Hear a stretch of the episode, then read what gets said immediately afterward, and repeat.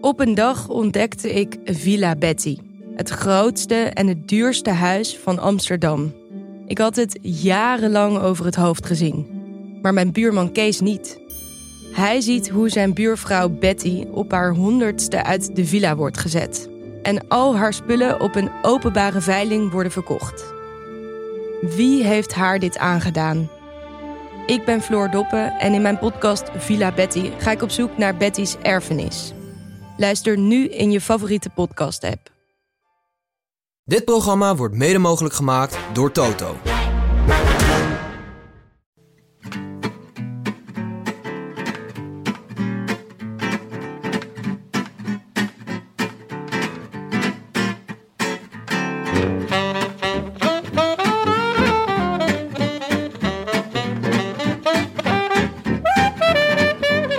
Zondag 7 juni en live vanuit de Dag en Nacht Studio's in Amsterdam-West is dit de Rode Lantaarn. De wielerpodcast van Het is Koers.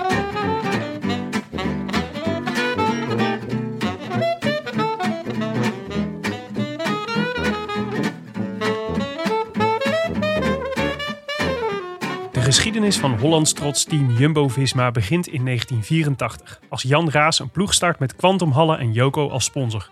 Met niet de minste namen trouwens. Henny Kuiper, Jelle Nijdam, Maarten Ducro, Adrie van der Poel, Joop Zoetemelk. Ze rijden er allemaal. Quantum wordt superconvex en vervolgens Buckler, Word Perfect en Novel tot in 1996 Rabobank instapt en het ingedutte Nederlandse wielrennen van nieuw elan voorziet. Het geld klotste tegen de plinten, de champagne vloeide rijkelijk, maar de kater was hevig. In 2007 schudt de ploeg al even op de grondvesten. Als Michael Rasmussen de lang gekoesterde Tourzege lijkt te gaan pakken, maar uit de Tour wordt gezet vanwege dubieuze whereabouts. En in 2012 stort het bouwwerk definitief in elkaar. De wielerwereld is ziek van de EPO. Bekentenissen volgen elkaar ook bij Rabo in rap tempo op. En de bank trekt zich, bang voor nog meer imagoschade, terug als sponsor van het Nederlandse wielrennen. De kater is hevig. En als we na zeven paracetamolletjes, een Aspro bruis en wat zacht gejammer de gordijnen weer open durven doen, zien we eerst het blauw van Blanco, dan het groen van Belkin en tenslotte het geel van Team NL Jumbo op de weg verschijnen. De eerste jaren van de nieuwe ploeg zijn, laten we maar eerlijk zijn, pijnlijk om te zien. Jotto Lumbo noemen we ze in deze podcast, met wel iets meer dan een beetje spot. Maar waar een katholieke sport is, is een herreizenisverhaal nooit ver weg. En dat van Jumbo-Visma mag er potverdorie wezen. Over het glorieuze heden en de plannen voor de toekomst praten we volgende week. Maar vandaag gaat het over de eerste jaren Jotto Lumbo. Of hoe een groots wielerimperium verwecht tot het lachertje van het profpeloton. Ik schrik hier een beetje van. Rasmussen was 2007? Ja, Ja, we zijn wel oud hè? 2007, dat Ja, is 13 jaar geleden. Niet normaal.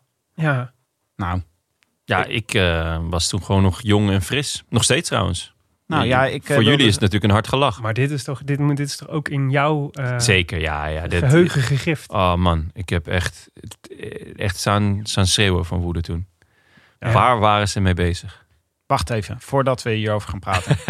ik ben blij om jullie weer te zien. Insgelijks. Jongens, wat- Ditjes en datjes. Het was weer even geleden hè?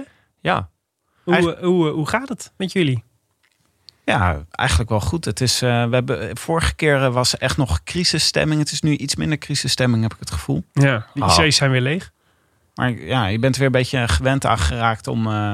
bent gewend geraakt aan omstandigheden. Dus wij knuffelen elkaar nog niet als we binnenkomen. Zoals we normaal gewend waren. ik heb alles weer helemaal opgepakt hoor. Echt, eh, ik- alles vergeven en vergeten. Je wast je handen niet meer. Nee, eh, eh, volle bak consumeren, vakantie geboekt, elke dag op het terras. En Jo- gewoon, Jonne is vandaag al twee keer met Ryanair op en neer gevliegd. naar die economie Ibiza. moet loeien jongens. Gewoon omdat het kan. Die arme jongens van de KLM, dat gaat helemaal failliet anders. En, ja, en jij Tim? Ik zag jou nog wel even het, eh, het pompje, het hygiënepompje induwen voordat je hier eh, plaatsnam aan tafel. Good mens hè Tim, good mens. Ik had dus een paar weken geleden, toen was eh, Je Tim. Hofman was hier in de studio. Ja, En, Tim Hofman, Oh. van, eh, die, die was podcast over media aan het opnemen. Oh, was hij net mee klaar. Toen kwam hij naar buiten en toen zei ik... Hey, Tim Hofman. Ja, die herken je natuurlijk van tv. Dus je hebt het gevoel dat je een, jaren, een, een vriend, een jaren oude vriend eh, weer opnieuw ziet. mhm. Dus ik schud hem vrolijk de hand. Tot eh, schrik van alle omstanders. Want dat is nu wel gewoon echt hoe mensen dat gewend zijn. Die, Alexander Klupping stond ook in de ruimte. Die begon gelijk als een gillende keukenmeid. ah, dat kan je niet doen. Ga wassen. Ja. Oké, en dat hebben jullie toen samen gedaan. Je handen gewassen. Ik heb toen echt... Elkaars handen gewassen. Ja, ja, Ritueel handen was. Mooi. precies. Maar dit is eh, alle name dropping die ik vandaag wilde doen. Ja, well, well done. Ook gelijk in de eerste paar minuutjes vol erin. Alle BN'ers er, en eh, nu gewoon nou, eh, dit, dit, was, dit waren mijn shots. lekker. Gaat het goed met Leuk. jou, Willem? Ja, ik kwam laatst Mart Smeets tegen. Die doet het ook altijd. Name droppen. Ja, die knuffel jij altijd gelijk. Ja, precies. Nee, het gaat, eh, ja, het gaat eigenlijk wel goed met mij. Ik moet zeggen dat ik... ehm, Je Ik- ziet er goed uit. dank je. Fris. Ja, ik heb veel gefietst de afgelopen tijd. Ja. Als, het, eh, als, eh, als de, de heren profs het niet doen, dan moet het maar van ons komen, toch, Jonne? Ja, ik, ik heb zowaar ook regelmatig op de fiets gezeten. Ik zag jou in één keer een, een, een prachtige rode fiets van de show. Ja, ik eh, heb op, op- een beetje op jou aanraden, maar ook een beetje natuurlijk door alle ellende eh, kon ik al mijn andere sporten niet eh, beoefenen. En toen heb ik een mail Voetbal, gestuurd naar padel. voetbal, padel, ja eigenlijk alles eh, alle, wat het leven mooi maakt. Mhm. En toen heb ik een mailtje gestuurd naar onze sponsor. En eh, die stond echt serieus binnen twee dagen voor de deur met echt een beuker van een fiets. Ja. En ook nog een fiets die... Canyon, moet je misschien Een Canyon, zeggen. zeker, ja. En een mooie rode. En hij is van alle gemak voorzien, wat voor mijn rug... eh, eh, ik heb reuma, zoals jullie weten. is dat toch wel echt lekker. Want ik heb echt veel minder pijn dan op mijn vorige fiets. En dus ja, ik fiets één à twee keer per week. Dus je wou ik zeggen dat het een ideale fiets is voor een reuma-patiënt. Ik kan dit iedereen aanraden. Elke reuma-patiënt die luistert en die denkt, ik moet nog een fiets hebben. Canyon.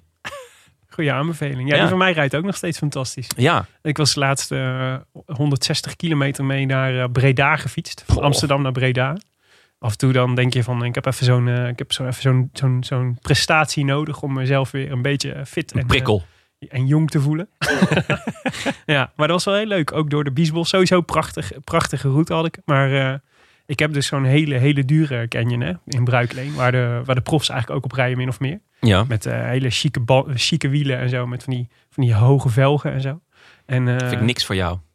Nee, nou, het, is, het is fantastisch Ja, als, je, als, je, als je wind mee hebt of wind tegen. Maar als je zijwind hebt, dan zijn die hoge velgen echt irritant. Ja? Ja. Ik had af en toe zo'n Gent-Wevelgem eh, 2016 momentje. De greppel in gewoon. Ja, wel, Lekker. bijna, wel bijna, ja. Maar eh, ja, jee man, dat ding rijdt lekker. Ja. En ook, eh, als, het is, kost veel minder tijd om op... Je bent super snel op snelheid. En als je eenmaal op snelheid ligt, dan... eh, dan eh, Ach, Ik Valt heb niet gewoon meer. Dat heb ik dan minder, maar... ik, heb gewoon, ik kreeg gewoon een top 10 op Strava. Dat is, me, Oh. dat is me de afgelopen jaren nog nooit overkomen. Tim, eh, voel je de druk? Nou ja, ik heb dus de hele tijd hetzelfde probleem. Ik woon midden in Amsterdam. En ik vind het gewoon zo vervelend om eerst de stad uit te moeten fietsen voordat ik ga koersen. Dus dan ga ik gewoon, eh, ja, ik houd bij eh, hardlopen nog even. Maar ik ben wel een beetje jaloers als jullie dit vertellen. Ik wil ook wel een keer op zo'n mooie canyon zitten. Nou. Maar vooral, ik ben ook, ik zou graag een keer op zo'n tijdritfiets willen zitten. Dat Ja, dan moeten wel we vragen of dat we dat een keer mogen proberen. Het lijkt mij best wel eng, eerlijk gezegd. Maar ik wil het wel, eh, ik wil het wel een keer proberen op de ronde hoep of zo. Dat lijkt me wel goed. Nee, ik Maar ga die was de- gewoon, de ga gewoon eh, over het Leidsplein, over het Frederiksplein. gewoon. Over de kassei van de Dam. Nu kan het nog, hè? Ja. De Wallen. Het is heel rustig allemaal in het centrum. Ja. Dus eh, als je, als je nog een, op je tijdritfiets door de Kalverstraat wil, dan is het wel, dit wel het moment. Ja. Nou, Oproep voor alle luisteraars vier- trouwens. 4 mei was het nog rustiger, zag ik. Zo, ja. Ja, ja. Dat was het moment om met die tijdritfiets over de Dam te crossen. dat was goede reclame geweest ook. We hebben ook een eh, mooi moment. Ja, op, eh, eh, op, deze, op deze publicatiedag. Want het is nu zondagavond. En eh, als jullie dit horen is het waarschijnlijk maandagochtend. Mhm. Want je kan nu vriend van onze show worden. Dat wil zeggen, eh, we hebben met eh, Dag en Nacht het eh, podcastnetwerk achter deze podcast. Mhm. Het Imperium. Het, het Imperium. het Timperium. Toch? Het Imperium, ja. Zo. Hebben we gebouwd aan een eh, donatiemodel. Dus je kan nu, eh, als je aan de podcast doneert, dan ben je officieel vriend van de show. En dat kan nu. Heb ik net verteld dat ik een super dure fiets van Canyon heb. In Bruikleen, hè? In Bruikleen. Oh, ja, dat is wel... Dat Als je het zielig vindt dat Willem de hele tijd op zo'n super dure Canyon fiets moet zitten en je denkt, kan die jongen geen auto kopen? Goeie. Ja, goed gevraagd. Ja, goed gevraagd. Ja. Dan kan je ons nu steunen. En dat kan gewoon via onze site, roodlantaarnpodcast.nl. En eigenlijk eh, wat we het allerleukste vinden, gewoon is als jullie eh, naar die site gaan. Dan kan je van alles. Je kan reageren op de afleveringen, maar je kan ons ook voiceberichten sturen en zo. Dat kan allemaal. Dat vinden we super het leuk. werd, werd ook een app, toch? Het wordt ook een app oké. uiteindelijk, maar dat duurt dan nog even. Ah, oké, nice. Maar eh, je kan dus ook doneren. En eh, dat kan voor een knaak, eh, knaak per maand. Dat, is, eh, dat vinden we eigenlijk eh, dat, dat vinden we het allerleukste. Dat is toch 2,50 Nice. euro in straattaal. Mm, Ja, ja, ja, ja, precies. Hout, precies. houtstraat, jongen. 2,50. Dat gaat mijn moeder zeker doen. Dus eh, ja, vriend van de show heet het. En, dan, eh, dus, dan betaal je 2,50 euro en dan word je vriend van de show. En dan kun je dus audiobericht sturen en zo. En dat soort dingen allemaal. Ja, en, En eh, je, je ondersteunt vooral de podcast natuurlijk. Want jullie, we, we willen graag meer en vaker verschijnen. Ja. En dan helpt dat natuurlijk heel erg met de ontwikkeling. Ja, precies. En, Ja. Dat, ja, en dat is ook dus vooral om te zorgen inderdaad dat we meer podcasts kunnen maken. En we hebben het ook nog even niet gekoppeld aan een wederdienst direct. Dus bijvoorbeeld dat je extra content krijgt of zo achter als je, als je donateur wordt. Maar we dachten gewoon, nee, we gaan eerst zorgen dat mensen het kunnen doen, dat steunen. En dan gaan we dat later gaan we optuigen met allemaal leuke dingen. Zoals bijvoorbeeld, op een gegeven moment gaat er een, natuurlijk een moment komen dat jij voor iedereen een kerstgeschenk maakt. Een hilair Zeker. verschuren knuffel. De Hilaire Verschuren knuffel alleen voor vrienden van de show is. Ja, precies. Ja. Dus Leuk. dat, eh, ik, ik zie ook wel erg uit naar de competitie tussen de verschillende podcasts van dag en nacht. Wie er meer vrienden heeft. Ja, ja, Wij kijken vooral naar, naar neutrale kijkers Ah, natuurlijk. ja, nerds om tafel. Nerds op tafel. het gaat mij niet overkomen dat de nerds om tafel meer vrienden van de show hebben dan, eh Nee, dan maar die, die kopen dat gewoon allemaal in, eh, in India en In- Pakistan en zo. Dan kun je gewoon allemaal likes en zo kopen, dat klopt, dat klopt, John. Dus, eh, en die nerds die weten dat natuurlijk hoe dat moet. Maar zijn er meer nerds dan wiel, of wielrenners? Dat is ook een Nou, dat gaan we nu zien. ik denk dat, dat er veel overlap is hoor. Dus eh, ja, ik zou zeggen rennen voordat we achter liggen op eh, de nerds op tafel of Ja. neutrale kijkers. Ja. Nice. Oké, nou leuk. Leuk, spannende ontwikkeling. In Maar je het, hoeft toch eh, niet in het elke maand- Tim? Ja, je hoeft toch niet elke maand te doneren. Je mag ook eenmalig. Mag ook gewoon eenmalig. Ah, oké. Ja, Ja, dat, hebben we ook, eh, dat faciliteren we ook gewoon. Want dan kan je ook gewoon zeggen, dan ben ik van het gezeik af. Hier heb je een tonnetje. Willem. Een, ton, een tonnetje de neus, hoorde ik laatst in Dragon's Den. ja, maar dan, kun- ja, als je dat doet, weet je, dan hebben wij gewoon een auto naar de Tour te kunnen rijden. En daar een mooie podcast te maken. Ja. zou wel echt Het leuk niet zijn. zomaar een auto. Dan hoef ik tenminste nooit meer op de fiets naar Breda. Ja, dat is toch zielig? Ik vond dat zielig, vooral Ja. met die zijwind. Armoedzaaien. Hey, Tim. Ehm, wat gaan we eigenlijk doen de komende twee afleveringen? Ja, dit, zijn, eh, dit is een tweeluik. Willem. Ja, onze eerste tweeluik. Ja, ja, dat is ook wel eens leuk. Ja. Nee, het is natuurlijk nog steeds een beetje een rare tijd. Er gaat waarschijnlijk in augustus weer gekoerst worden. Dus daar kijken we heel erg naar uit. Maar we Mhm. zitten nu nog een beetje in, de, eh, in het interbellum van het, eh, van het wielrennen. En daarom dachten we, we gaan een Jumbo-Visma special maken. Ja. En dat is eigenlijk, we verdelen het in de eerste dagen en de glorietijd, zeg maar. Dus vandaag, deze aflevering, kijken we terug naar hoe de ploeg, eh, de, do- de dominante Jumbo-Visma-ploeg werd. Maar dus vooral de tijd daarvoor. En Ja. dan volgende week hebben we een special. Dat wordt geweldig. Met Marijn Zeeman en Steven Kruiswijk. Waarin we het hebben over de ploeg zoals die nu is.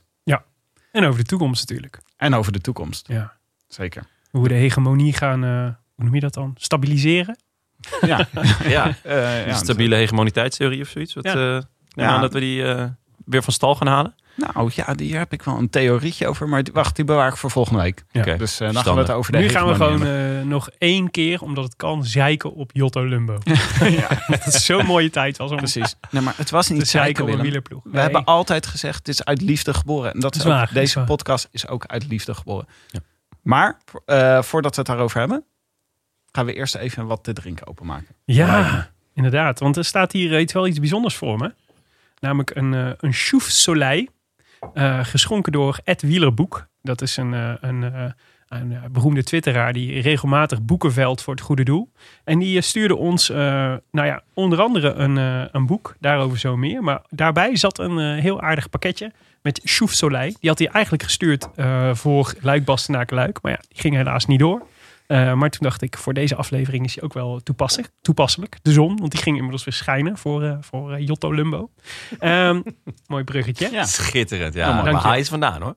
En het is natuurlijk niet zomaar een biertje, want ook dit biertje is gerate door Dutch Darth Vader. Dutch Darth Vader. Die het dronk in Café de Doelen. Nou, Oh.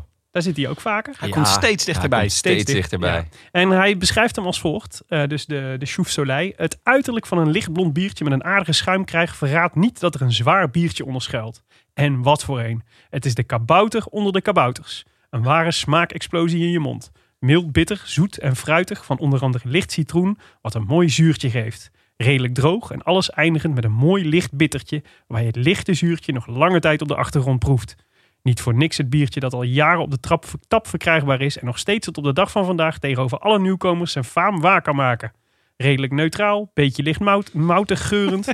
maar waarom er tegenwoordig ook de kreet blond op de fles moet staan, is mij een raadsel. Er zijn trippels die met een lager alcoholpercentage genoegen moeten nemen. Kortom, een mooie, zoet, licht, zure smaakexplosie. Origineel glas. Een, een, Het is altijd, hij gebruikt vaak kortom, zeg maar, om het samen te vatten. En dan staat er iets volledig nieuws. gebruikt sowieso het woord licht, denk ik, een stuk of veertien keer. ja. En ik vind de zin, het is de kabouters onder de kabouters. Vind ik opmerkelijk. Ja. Wat betekent dat? Het is de kabouter onder de kabouters. Ja, er staan kabouters op. Ik denk dat dat het soort... soort zou, is sjoef niet een Frans woord voor kabouter? Ja, maar Sjoef, dat is toch een beetje de, de, de, de, bier met een puntmuts of zo. zo dat is het. eh, Nu maak je er heel erg koekoeksclan van. In mijn hoofd. maar het zijn een kabouters. brandend kruis? Een brandende kruis, wat is daar, dat daar op de achtergrond? Nee, maar het, het- het- er staat al een kabouter op. Maar waarom is dit dan de kabouter onder de kabouter? Het is toch niet heel klein? Nou, de sjoef onder de sjoefjes. Er zijn heel veel verschillende sjoefsoorten. Ah, dus waarschijnlijk zo. vindt hij dit de lekkerste van alle sjoefjes. Oké. Is mijn eh, theorie. Uitstekend, eh, DDV. Leuk, mij is een, gooi hem open. Volgens mij is een sjoef geen kabouter. Maar dit is wel weer zoiets waar onze luisteraars woedend van worden. Als wij weer Ja. het biertje niet goed begrepen hebben. Dus ik verwacht een aantal Nou, er, sta- er staat in ieder geval een kabouter op het etiket. Ja, Twee zelfs. Eén met een puntzakje. Of noem je dat? Een knapzakje. knapzak, ja. Een beetje Douwe Dabbert in zijn beste jaren. Nou, als je Oh, mijn Siri gaat weer aan. Hoe kan dat? Ja, Sorry jongens. zei kabouter en activeerde je Siri daarmee. Kennelijk. Kijk, als je Willem wil corrigeren, terwijl Willem de biertjes openmaakt, dat kan naar post@derodelantaarnpodcast.nl. Stuur een vlammend betoog in waarom Willem het allemaal verkeerd heeft gezien. Eh, zeker die kabouters. Ja, maar oh, wacht. Nu moet ik natuurlijk niet de aanleiding vergeten waarom die, die, biertje, die biertjes Ja. opstook, opstuurde. Ehm, want hij, had een, ehm, hij doet regelmatig veld hij dus boeken voor het goede doel. Het wielerboek heb ik het nu over. Ehm, en eh, hij, nu in de veiling staat het boek De Rode Lantaarn. Dat is niet een boek dat wij geschreven hebben. Dat heeft Max Leonard geschreven. Eh, het schijnt een heel goed boek te zijn. Ik heb het nog niet zo, niet zo vaak gelezen. Maar ik kreeg vier sterren in de Volkskrant. Nou, dat zegt wel iets volgens mij. Eh, en ehm, op verzoek van, eh van Wielerboek hebben wij alle drie het boek gesigneerd. Wat ik altijd een beetje raar vind voor boeken die niet van jezelf zijn. Maar goed, hè? dat doen wij gewoon. ik heb wel bij het signeren gedaan alsof het van mij was. Ja, nou Bloed, zweet en tranen. dat zag ik. Dat was, eh, dat was, dat was knap. En, ehm, en eh, met als gedachte van Wielerboek, dan wordt het vast meer waard. Ik weet niet of dat, dat zo is. Ik denk, het is een, een boek waarin geschreven is. Daar ga ik niet met volle pond voor betalen. maar, maar goed, er zijn mensen die daar anders over denken. En zelfs zo anders dat het hoogste bod tot nu toe zelfs 75 euro is Wow. voor dit boek. Eh, ik denk dat daarin meespeelt dat de opbrengst gaat naar Only Friends in Amsterdam-Noord. Wat een eh, sportvereniging, sportpark is voor mensen met een beperking. Super mooie instantie. Hartstikke mooi. Of het is omdat je ook de groetjes in de show mag doen in de Rode Lantaarn. Oh, echt? Ja, dus die combinatie maken we. Dus eh, als je meer wil bieden dan 75 euro voor het boek De Rode Lantaarn en de groetjes in de show en daarmee Only Friends in Amsterdam Noord wil steunen, eh, dan moet je even een bericht sturen naar @wielerboek Ja. op, eh, op Twitter. Of als je geen Twitter hebt en toch wil bieden, dan eh, kan dat naar eh, eh, post nee groetjes at de Rode Lantaarnpodcast.nl. Of zou dat dan al via de app kunnen, Tim? Via de, via vriend- de, ja, vrienden van de de show. Vrienden van de show. Zeker, dat kan ook. Ja. Leuk. Oké, nou hartstikke goed. Ik, eh, ik ga hem proeven. Nou, jongens, proost op de koers. Santé. En ik mis het echt een beetje, dus ik hoop dat de koers snel terug mag komen. Ja, Ook om eh, regelmatig met jullie te kunnen proosten Heer, heer. op een biertje. Proost. lekker hoor. Laten we het over Jumbo hebben. Zullen we gewoon afspreken dat we vandaag het over Team Jumbo hebben? Want eh, we hebben natuurlijk over een. Eigenlijk hebben we het over een licentie die al sinds 1984 van ploeg naar ploeg overspringt. Ja, Ja, maar we, we- als we bij het begin beginnen, moeten we natuurlijk met... eh, we beginnen vanaf het moment dat Rabobank ermee stopt, toch? Ja, dat is ons moment waarop we beginnen eh, met erover te praten. Maar de ploeg bestaat al eigenlijk sinds 1984, toen er nog Quantum Hallen Deco Sol heette. Willem noemde het net al even in zijn introductie. Ja. En eh, nou ja, dan uh, je hebt eh, het woord, het is even een tijdje, is het Buckler, Word Perfect en Novel. ja Word, perfect. vind ik wel echt. Ik ben echt heel blij van. Ja, Ja. dat is gewoon echt Clippy. heel oldschool. Clippy. Ja, Het was echt een fantastisch programma was het. Ja. Ehm, nerds om tafel hier hoor. Precies. Wij bespreken het vandaag grofweg chronologisch. Te beginnen bij het einde van de Rabobank in 2012. Want toen begon wat wij noemen de middeleeuwen van de Nederlandse wielrennen. The Dark Ages. Ja. We, we bellen met eh, drie belangrijke figuren vandaag uit die geschiedenis eh, van, eh, van, van deze ploeg. En ehm, laten we eerst even luisteren naar het gesprek wat Jonne afgelopen vrijdag voerde met Richard Plugge. Die nu de directeur van eh, de Jumbo-Visma-ploeg is. Mhm. En die erbij was toen de Rabobank ophield te bestaan. En daarna Blanco werd en daarna Belkin werd. En eh, dit is wat hij erover eh, zei. Ehm, Want hoe, ehm, hoe ben jij bij de ploeg terechtgekomen? Je was Ehm, eerst journalist. Ja, ik was eh, nou inmiddels eh, hoofdredacteur. Eh, slash eh, ja, soort uitgever, zeg maar. Ik heb eh, nu sport gedaan. Ik heb hockey.nl opgezet, schaats.nl opgezet in de tijd bij nu sport. En toen werd ik gebeld door de toenmalige directeur van de Rabobank Wielerploeg of ik daar de communicatie, het communicatiebeleid wilde gaan, gaan doen bij de Rabobank. In welk jaar was dat? Dat was in 2011. Ah ja, ja. En ehm, dat eh, ben ik toen gaan, eh, gaan doen. Ik ben in 2012 begonnen. En eh, met als, als opdracht zeg maar, om, om ja, gewoon de interne communicatie en de externe communicatie. Maar ook gewoon het hele beeld van de ploeg. En zowel intern als extern te verbeteren. Ehm, omdat ehm, ja, de ploeg was, was in die jaren meer, zoals ik het omschrijf, meer een, een bankploeg geworden dan een sportploeg. Ehm, en ehm, nou ja, de bedoeling was om er weer meer een sportploeg te maken, in ieder geval in termen van, eh, van, van de communicatie en, de uitstraling. En, En waar merkte je dat Ehm, dan aan? Dat een, wat is een bankploeg? Wat, wat, wat, wat houdt het nou, precies in? er, werd- er werd, het was, de, de Rabobank was natuurlijk e- eigenaar van, van de ploeg. Ja. En eh, daardoor waren er gewoon eh, wat, wat bedrijfsmatige of concernmatige of, ehm, eh, ja, eh, patronen ingeslopen. Ehm, waardoor het in communicatie bijvoorbeeld meer eh, ja, bankcommunicatie was. in plaats van dat er gewoon de sportcommunicatie naar buiten kwam. En dat was, ja, daarvan had, had ik inderdaad ook van buiten wel al zoiets van, ja, weet je jongens, kom, vertel gewoon hoe het is en, en hoe, hoe het zit. En, en, en niet, niet altijd, laat ik zo zeggen, er werd altijd heel goed eh, nagedacht over hoe dingen en, en wat er gezegd kon worden. En ja. terwijl ik meer geloof in, eh, bij- bij- zeker bij een sportploeg, van joh, vertel gewoon hoe het is. En eh, het, het, het is nam- namelijk, je hebt verloren bijvoorbeeld en daar baal je enorm van. Of je hebt gewonnen en daar, daar ben je ontzettend blij mee. En, en loop je bijna naast je schoenen van zo trots als een pauw, zeg maar. En dat, dat, mag, dat mag iedereen weten, weet je wel. Ja, ja, ja. ja. Eh, nou ja, goed, dus die, die ups en die downs, die mogen best wat, eh, wat, wat eh, authentieker naar, naar voren komen. Nou, daar, daar zat een heel traject aan. Alleen, ja, het was wel heel snel. was het zo dat, nou, ik was er een paar maanden aan, aan de slag. En toen eh, ehm, trok de eh Rabobank de stekker eruit in oktober 2012. En dat wisten ze nog niet toen jij werd aangesteld. Eh, daar ga ik vanuit. Ehm, daar ga ik vanuit. Dus, eh, Of was dat die communicatie waar het aan schortte?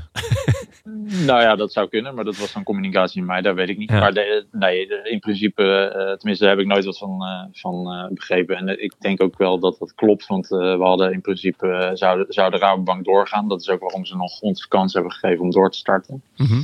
Of, of eigenlijk mij de kans hebben gegeven. Het was toen, ehm, we hebben het allemaal net weer kunnen zien in de Lens eh, eh, documentaire. Maar het is het USADA-rapport wa- wat uitkwam waarin eh, Levi Leipheimer genoemd werd op pagina, weet ik veel, eh, ergens onderin. Ja. Drie regels, maar dat was voor de Rabobank de aanleiding om eh, te doen wat ze deden toen. En, ehm, eh, en, die hebben, en ik vind het nog steeds dat de Rabobank dat op een heel nette manier eh, heeft opgelost door ons eh, de kans te geven om een doorstart te maken. Ja, want ze zijn wel blijven betalen. Jaar één, ja. Ja. We hebben een, een ja, soort garantie gekregen dat we jaar één door konden.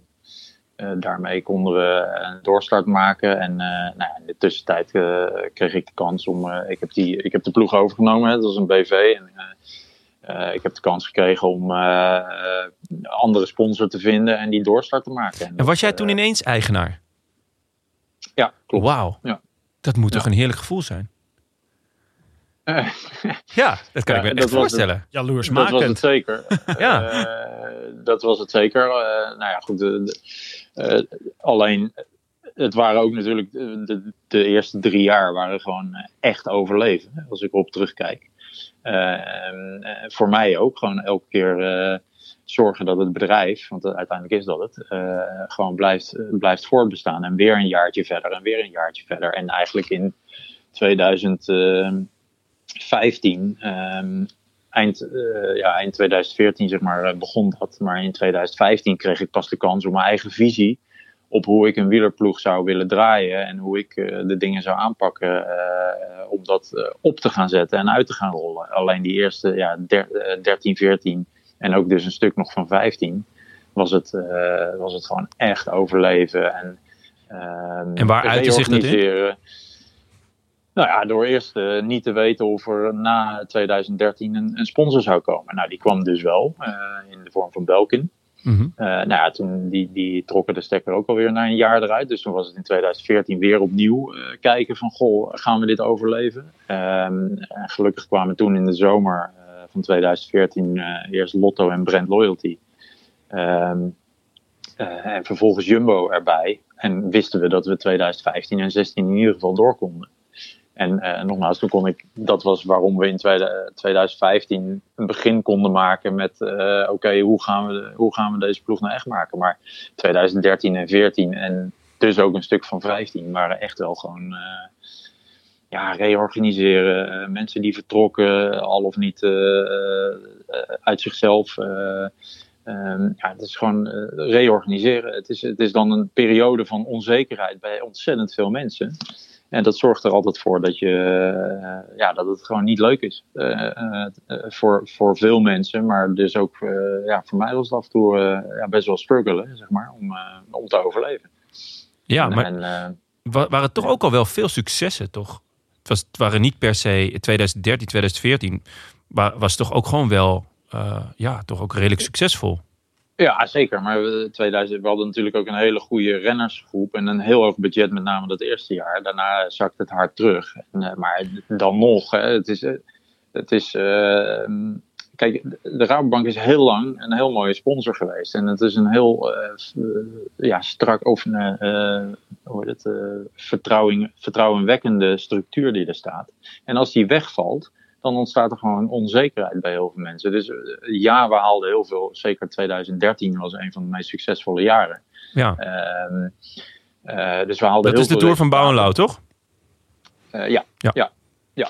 Ehm, inderdaad. Ik heb toen een deal gemaakt met, met de NOS. Ik heb de NOS gebeld en ik heb gezegd: joh, ik zou heel graag willen dat we een documentaire maken over ons. Nou, dat wilde de, de Kees Jonkind ook heel graag.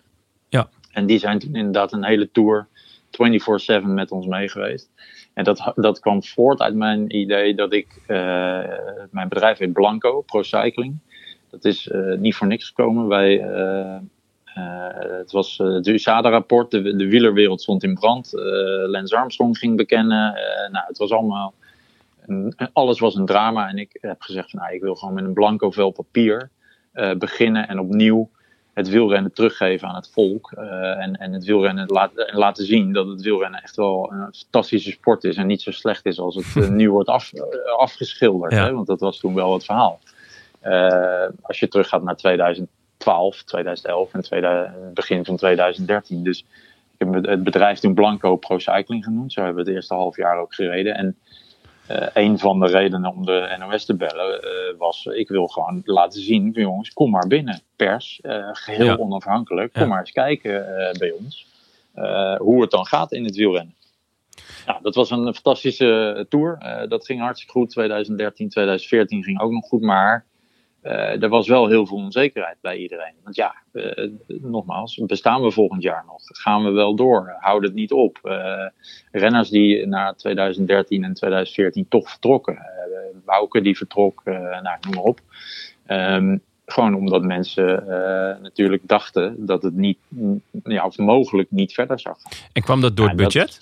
Of, ehm, Ja, tuurlijk. Eh, het budget ging terug. Eh, de, de, de Rabobank had het eh, tweede of derde budget van, eh, van de wereld, van de World Tour. Ja. Toen, eh, toen ik erbij kwam, 2012.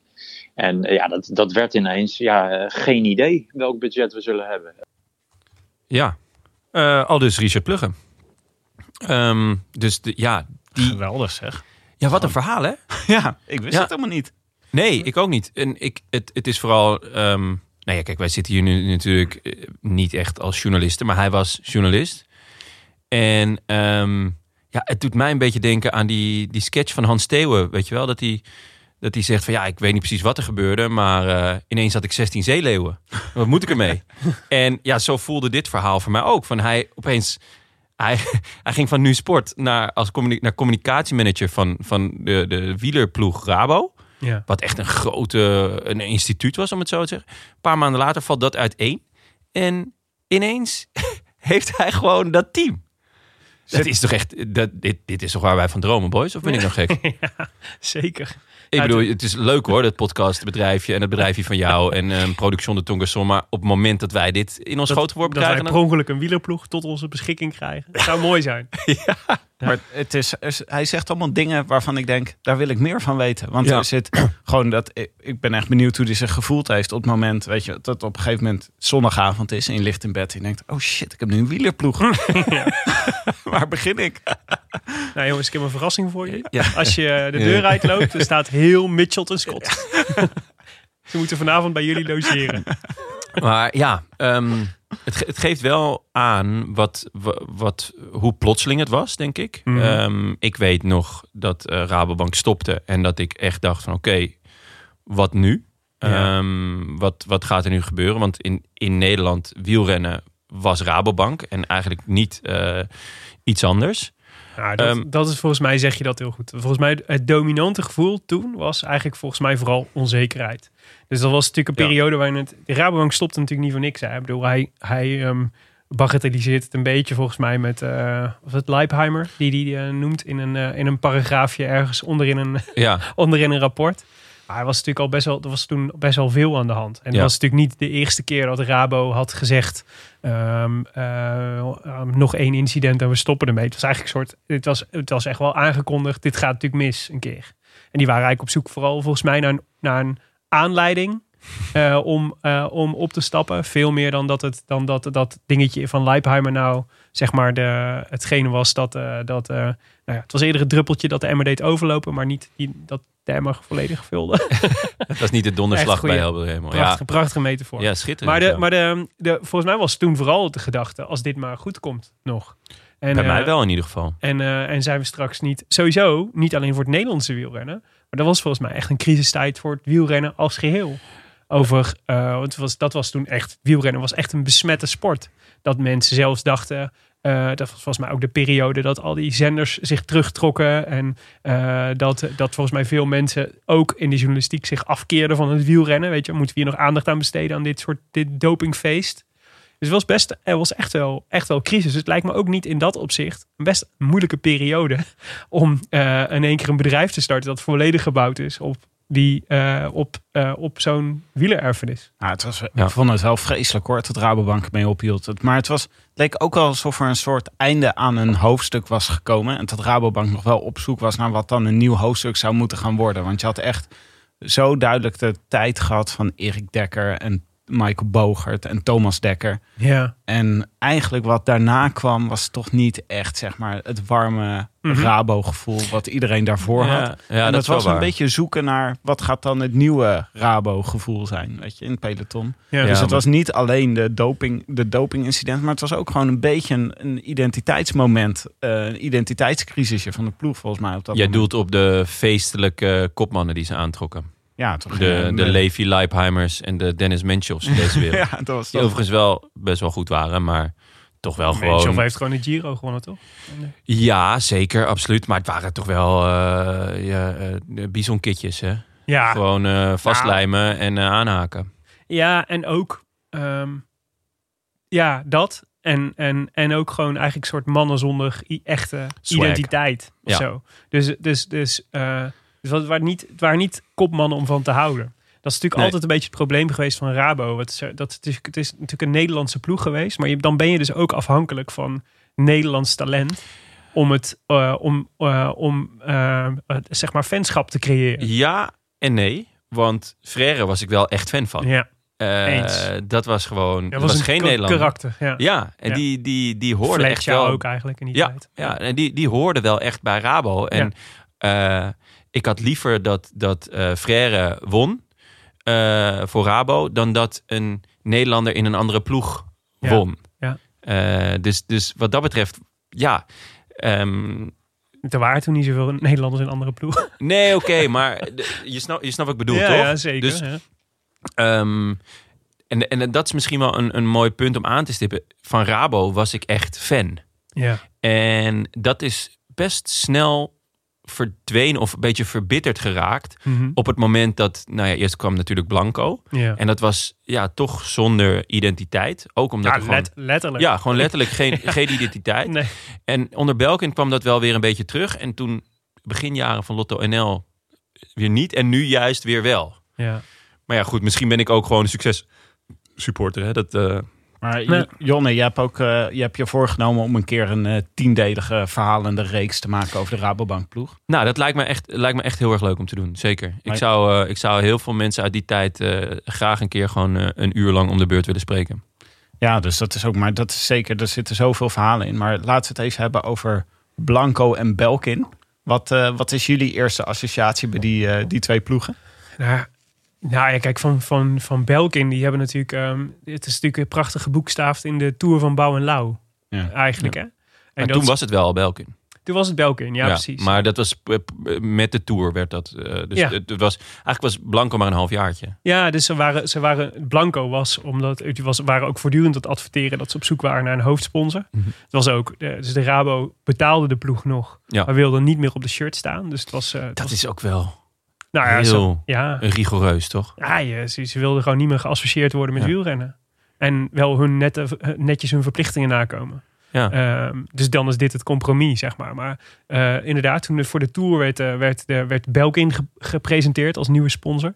Ehm, en dat, dat is inderdaad vastgelegd in de, de Tour van Bouw en Lauw. Wat eh, een hele leuke, hele leuke documentaire was. Vandaag nog even teruggekeken. Echt, eh, Ja, ik, toen miste ik ook weer. Van, want je ziet die mooie beelden van de Tour en eh, hoe het goed kan gaan en hoe het slecht kan gaan. En ja, lekker weer en iedereen langs de kant. En dacht ik, oh man, je- het wordt tijd dat het begint. Maar je ziet dat er in die documentaire ook, dat wordt ook gefilmd in, tegen de achtergrond van de crisis in het wielrennen. Dus eigenlijk is dat bouw en lauw, zeg maar, is eigenlijk het nieuwe sprankje hoop voor het Nederlandse, voor het Nederlandse wielrennen.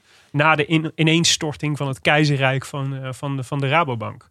Dus eh, waar we even in, in eh, een tijd lang dachten, wordt het ooit nog wat, zeg maar. Waren, waren dat eigenlijk weer het eerste, het eerste, de eerste sprankjes nieuwe, nieuwe hoop die we zagen ontstaan. Ja. Want eigenlijk was het een totale verrassing dat eh, Mollema en, eh en Ten Dam zo goed eh, mee zouden kunnen in die, in die tour. ja, en, ze kleurden al eigenlijk vanaf het begin af aan. Was het al, was het al, we hadden eindelijk weer, weer eens zeg maar, twee Nederlandse jongens ook nog om Ja. voor te juichen. Ja, en dat, dat zat niet in het fragment van, van Pluggen, maar ik, ik heb nog iets langer met hem gebeld. En hij zei ook dat dit een, die, die documentaire, hij was daarvoor naar de NOS gegaan van, hey, zouden jullie dat willen? Ook om dus die volledige transparantie te geven. Dus ze Ja. filmden ook in de bus en op de rustdag. Ze mochten overal bij zijn. Ja. Ze hadden ook iets van 300 uur aan materiaal. Ehm, en, en dus dat, dat vond ik wel heel, eh, een, een heel slimme move van Pluggen. Ja. En dan is het natuurlijk wel heel fijn als het zo uitpakt dat gewoon na, eh, na een week of, of twee weken dat, dat gewoon je, je kopmannen op drie en vier staan. ja, had ook het hele depressieve beeld van, het Nederlandse, van Ja. de staat van het Nederlandse wielrennen kunnen bevestigen. Ja. Dus in dat opzicht is het natuurlijk ook mazzel dat het dan in dat, op, in dat geval zeg maar, allemaal netjes eh, samenvalt. Nou, Wie waren de gezichten destijds van deze twee ploegen? Dus je had eh, Mollema en Ten Dam. Geesink zat er ook al. Lars Boom, Lars Boom. dat is een grote, grote naam. Sepp van Marken. Sip van Marken, Steven Kruiswijk, Ja. Wilco Maar nog niet- Kelderman zat er nog bij. Kruiswijk ook nog niet, niet een, de, de eerste gelederen, toch? Nee. Dat is echt nog een... Nee, eh, hij was gewoon nog jong, Ja. net zoals Kelderman trouwens. ja, ja, precies. Maar Kelderman werd toen wel gezien al als De up- kroonprins. up-and-coming talent, zeg Ja. maar. Dat is de jongen die we in de gaten moesten houden. Ja, omdat hij ook in de, in de jeugd zo ontzettend goed was. Ja. Maar het is toch wel grappig dat als je dit rijtje renners noemt... echt toch een, een samenballing van talent daar eh Zeker. reed daar rond. Maar Ja. het was gewoon Ja. allemaal, denk ik, ook een beetje... het was een beetje onzekere tijd. Het werd allemaal niet echt heel erg goed gepland. Dus het kwam er misschien nog niet 100% uit. Maar je Nee. zag het wel. Nou ja, het grappige is Je het wel eigenlijk... komen. eigenlijk, ik zei net, het werd dus beschouwd als eigenlijk soort de nieuwe lood aan de stam. Hè? Dus eigenlijk de, de eerste blaadjes van de lente. Terwijl het eigenlijk ehm, juist de laatste blaadjes van de herfst waren. want uh, want um, uh, eigenlijk de jongens die daar, dus een Boom en Mollema bijvoorbeeld, en Ten Dam eigenlijk ook, dat waren eigenlijk allemaal nog restanten uit die Rabo-tijd, uit de ja. rijke Rabo-tijd, zeg maar. Die eigenlijk na dat jaar uh, Belkin allemaal uit een contract liepen en de ploeg verlieten.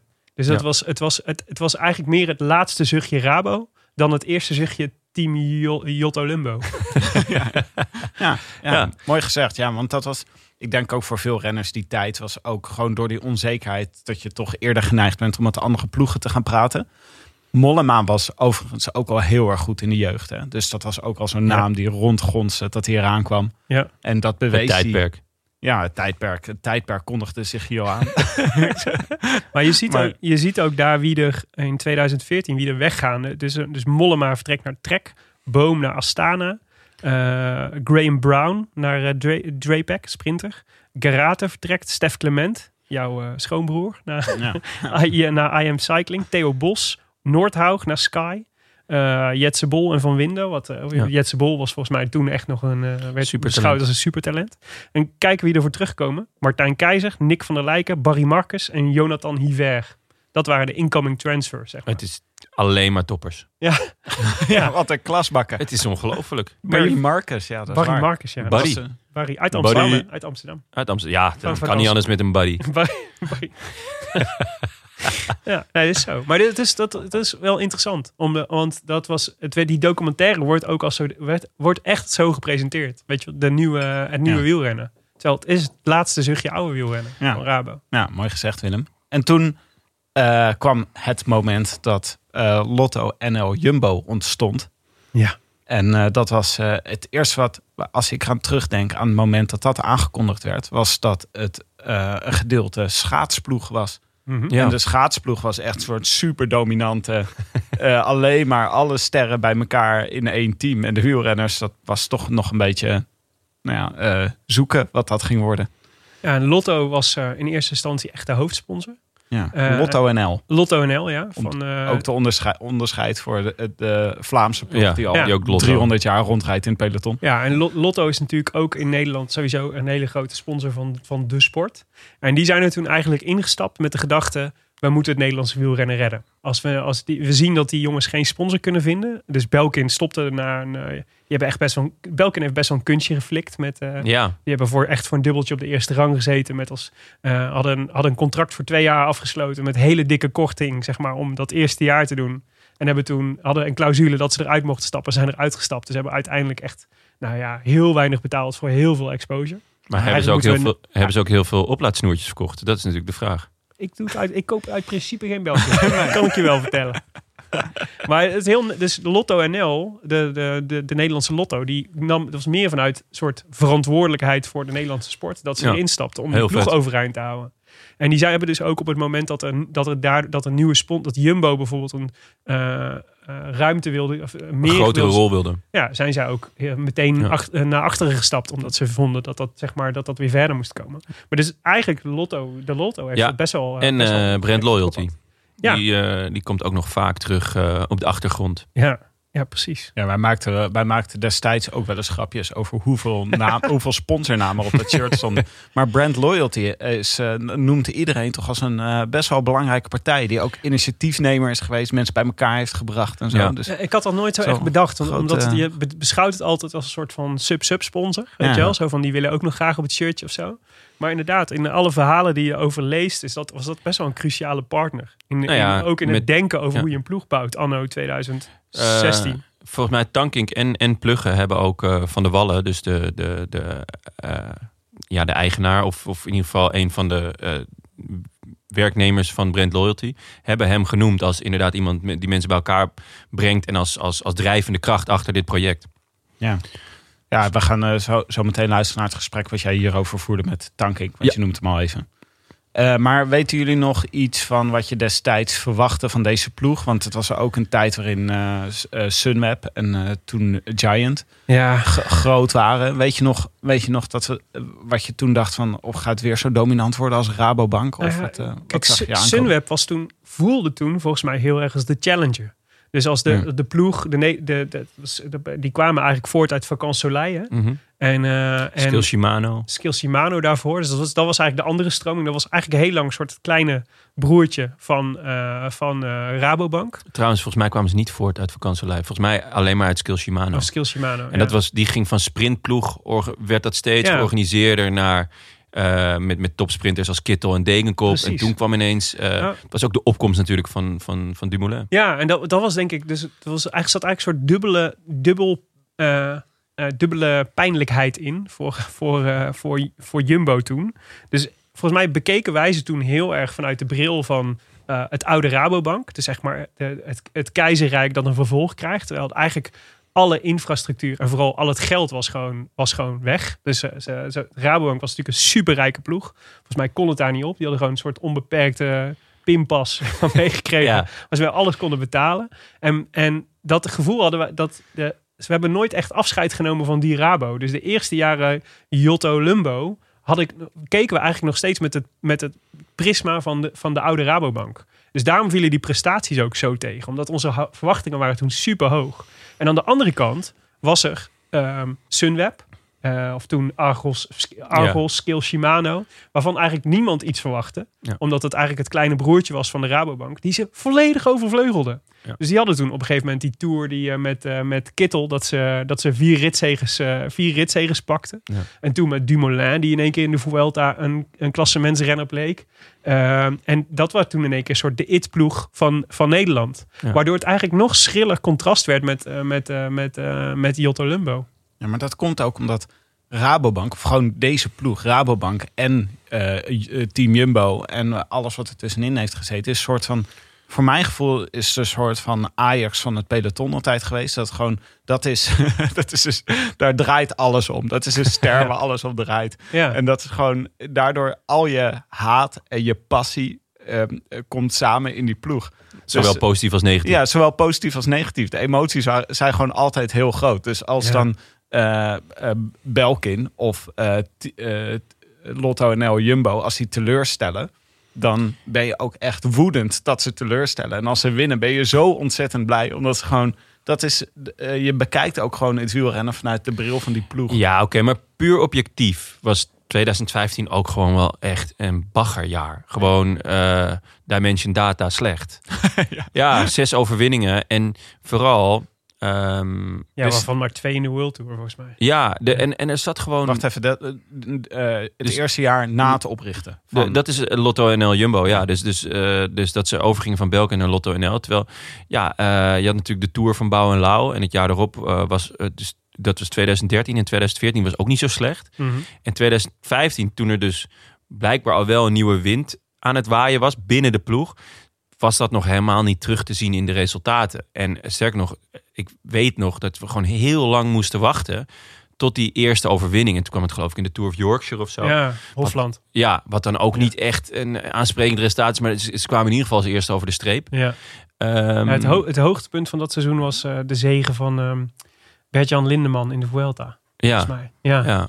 Maar dat, ja, dat is. Maar het was, ja, dit, dit is absoluut waar. Het was, uh, voordat het goed ging, ging het niet zo heel goed. Ja, dat was maar, echt huilen met de pet op, ja. Maar het is misschien leuk om uh, even te luisteren naar het gesprek wat Jonna ook voerde afgelopen vrijdag met Jos van Emden, die erbij was in deze periode. En daarvoor en nu nog steeds. Dus die het vrij intensief heeft meegemaakt.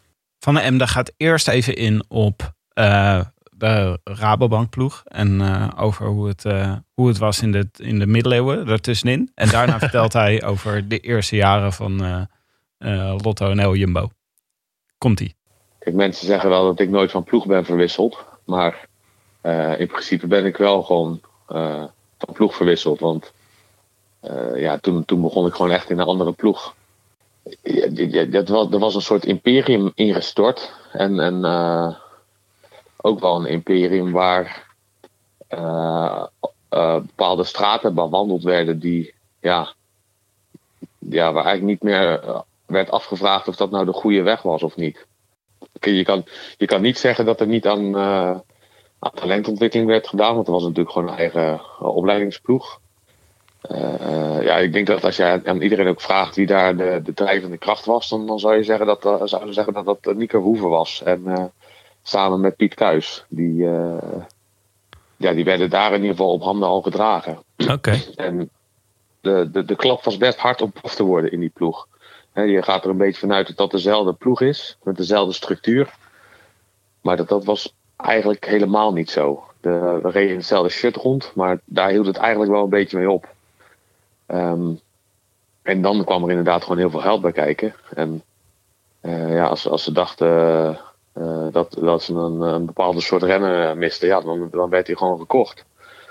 Uh, of, en als, als het potje geld op was, dan, dan werd er ineens aangeklopt in Utrecht van ja, we willen, willen die renner hebben. En nou, Cup werd weer wat overgeschreven. En als het budget op was in september, ja, dan, dan werd er toch nog weer wat extra geld overgemaakt om die resterende maanden door te komen. Dus de enige filosofie was gewoon van uh, we willen de Tour gaan winnen. En of het linksom is of rechtsom is, dat maakt allemaal niet uit. En of het heel veel geld kost of belachelijk veel geld, dat maakt ook niet uit. Toen hebben ze, zijn ze gewoon veel meer moeten gaan nadenken hoe ze, hoe ze hun geld gingen uitgeven.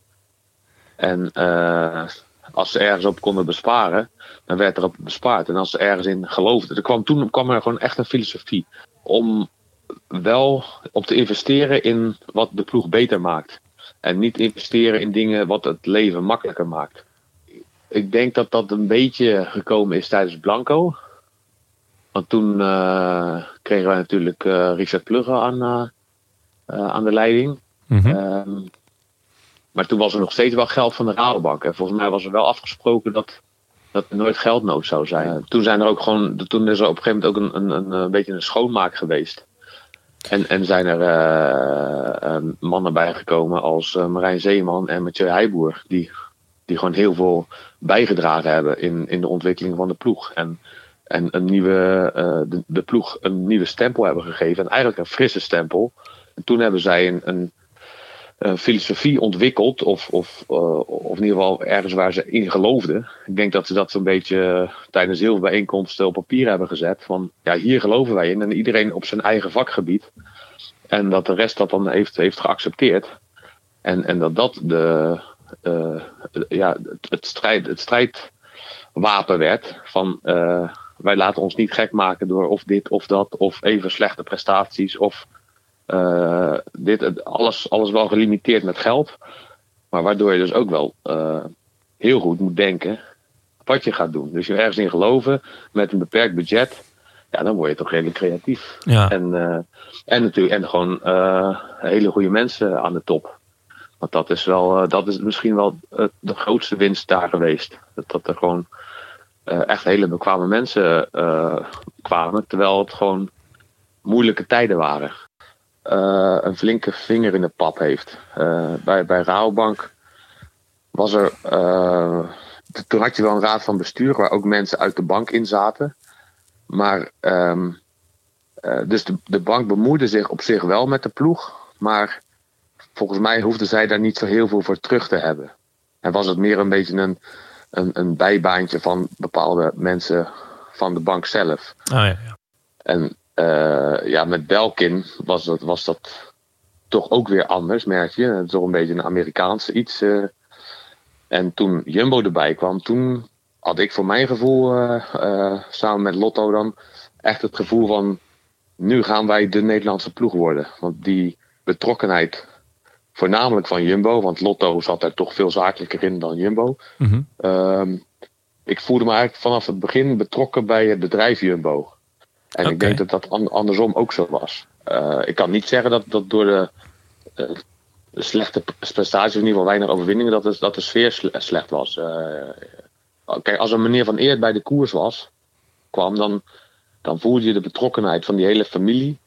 Die zaten er niet in voor, voor even korte publiciteit. Die zaten er wel in voor, de, voor de lange termijn. En die straalden dat ook uit. En die hadden of zo, zo heb ik het ervaren dat zij uitstraalden, bijvoorbeeld aan Marijn en uh, Richard en Mathieu, van um, het komt wel. Hè. Wij geloven in, in jullie project en het komt wel.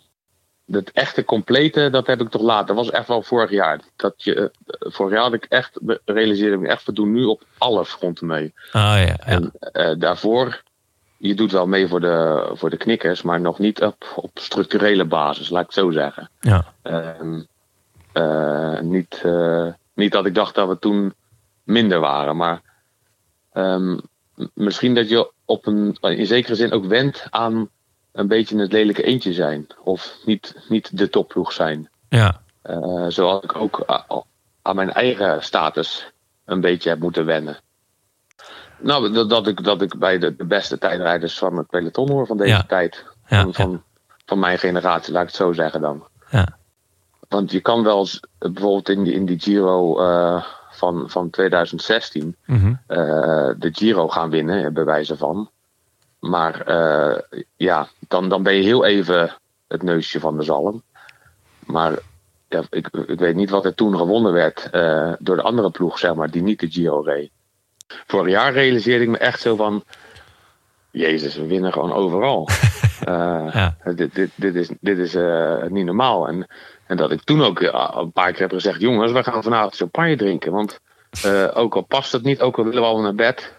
Hè, dit, is, dit is echt heel bijzonder. ja. En, en ik denk dat, dat, dat misschien is dat wel een goeie. Dat, dat de jaren daarvoor, als er gewonnen werd, dan bleef iedereen wel zitten. Ook de benadering naar de renners is ook heel anders geworden. Dat is, dat is ook wel een heel belangrijk punt eigenlijk. Eh, er wordt wel naar ons geluisterd, ook als renners. Dus wij maken de, de ploeg ook beter. En het is niet alleen maar dat wij van, van bovenaf worden aangestuurd. Ah ja. ja. Ehm, ja, dus eh, dat, dat, dat, dat was eigenlijk altijd wel zo. En eh, ik weet dat er een keer een renner heeft gezegd van... eh, ja, wij worden aan het eind van het jaar allemaal beoordeeld. Maar waarom zouden wij als renners niet de ploegleiders mogen beoordelen? Nou, dat, dat kost hem bijna zijn contract. ja? Ja, en, en, In welk jaar was dat? Ik denk dat dat nog uh, Rabobank-tijd was. Oh ja, ja, ja. ja. Nu, nu dan even op mezelf betrekken. Als, er nu iets speelt in de ploeg, eh, dan kan ik aan de bel trekken van hey, ik hoor dat, dat dit en dit speelt. En eh, dan, dan, is het, dan wordt er niet aan mij gevraagd van wie zegt dat. En hoeveel renners zeggen dat. Maar die gaan er dan vanuit dat als ik dat dan meld, ja. dat dat, dat, wel, ja, dat, dat wel echt leeft.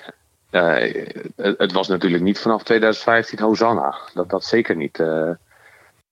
al bleef dat vanuit de ploeg ook wel weer anders. Hè? Want je weet dat er een, een, een Steven Kruiswijk zit die gewoon een steengoede renner is, maar niet veel wint. Eh, het straalt gewoon af op de ploeg als er niet gewonnen wordt. ja. Maar ik, heb niet, eh, ik kan me niet herinneren dat ik toen heel negatief ben geweest over, over de ploeg. Maar ze moesten wel. ehm, hun plannen moesten gewoon nog, nog aarden. En Ja. eh, daar, daar was ik ook natuurlijk wel sceptisch in. Van wat, wat, wat doen ze nu?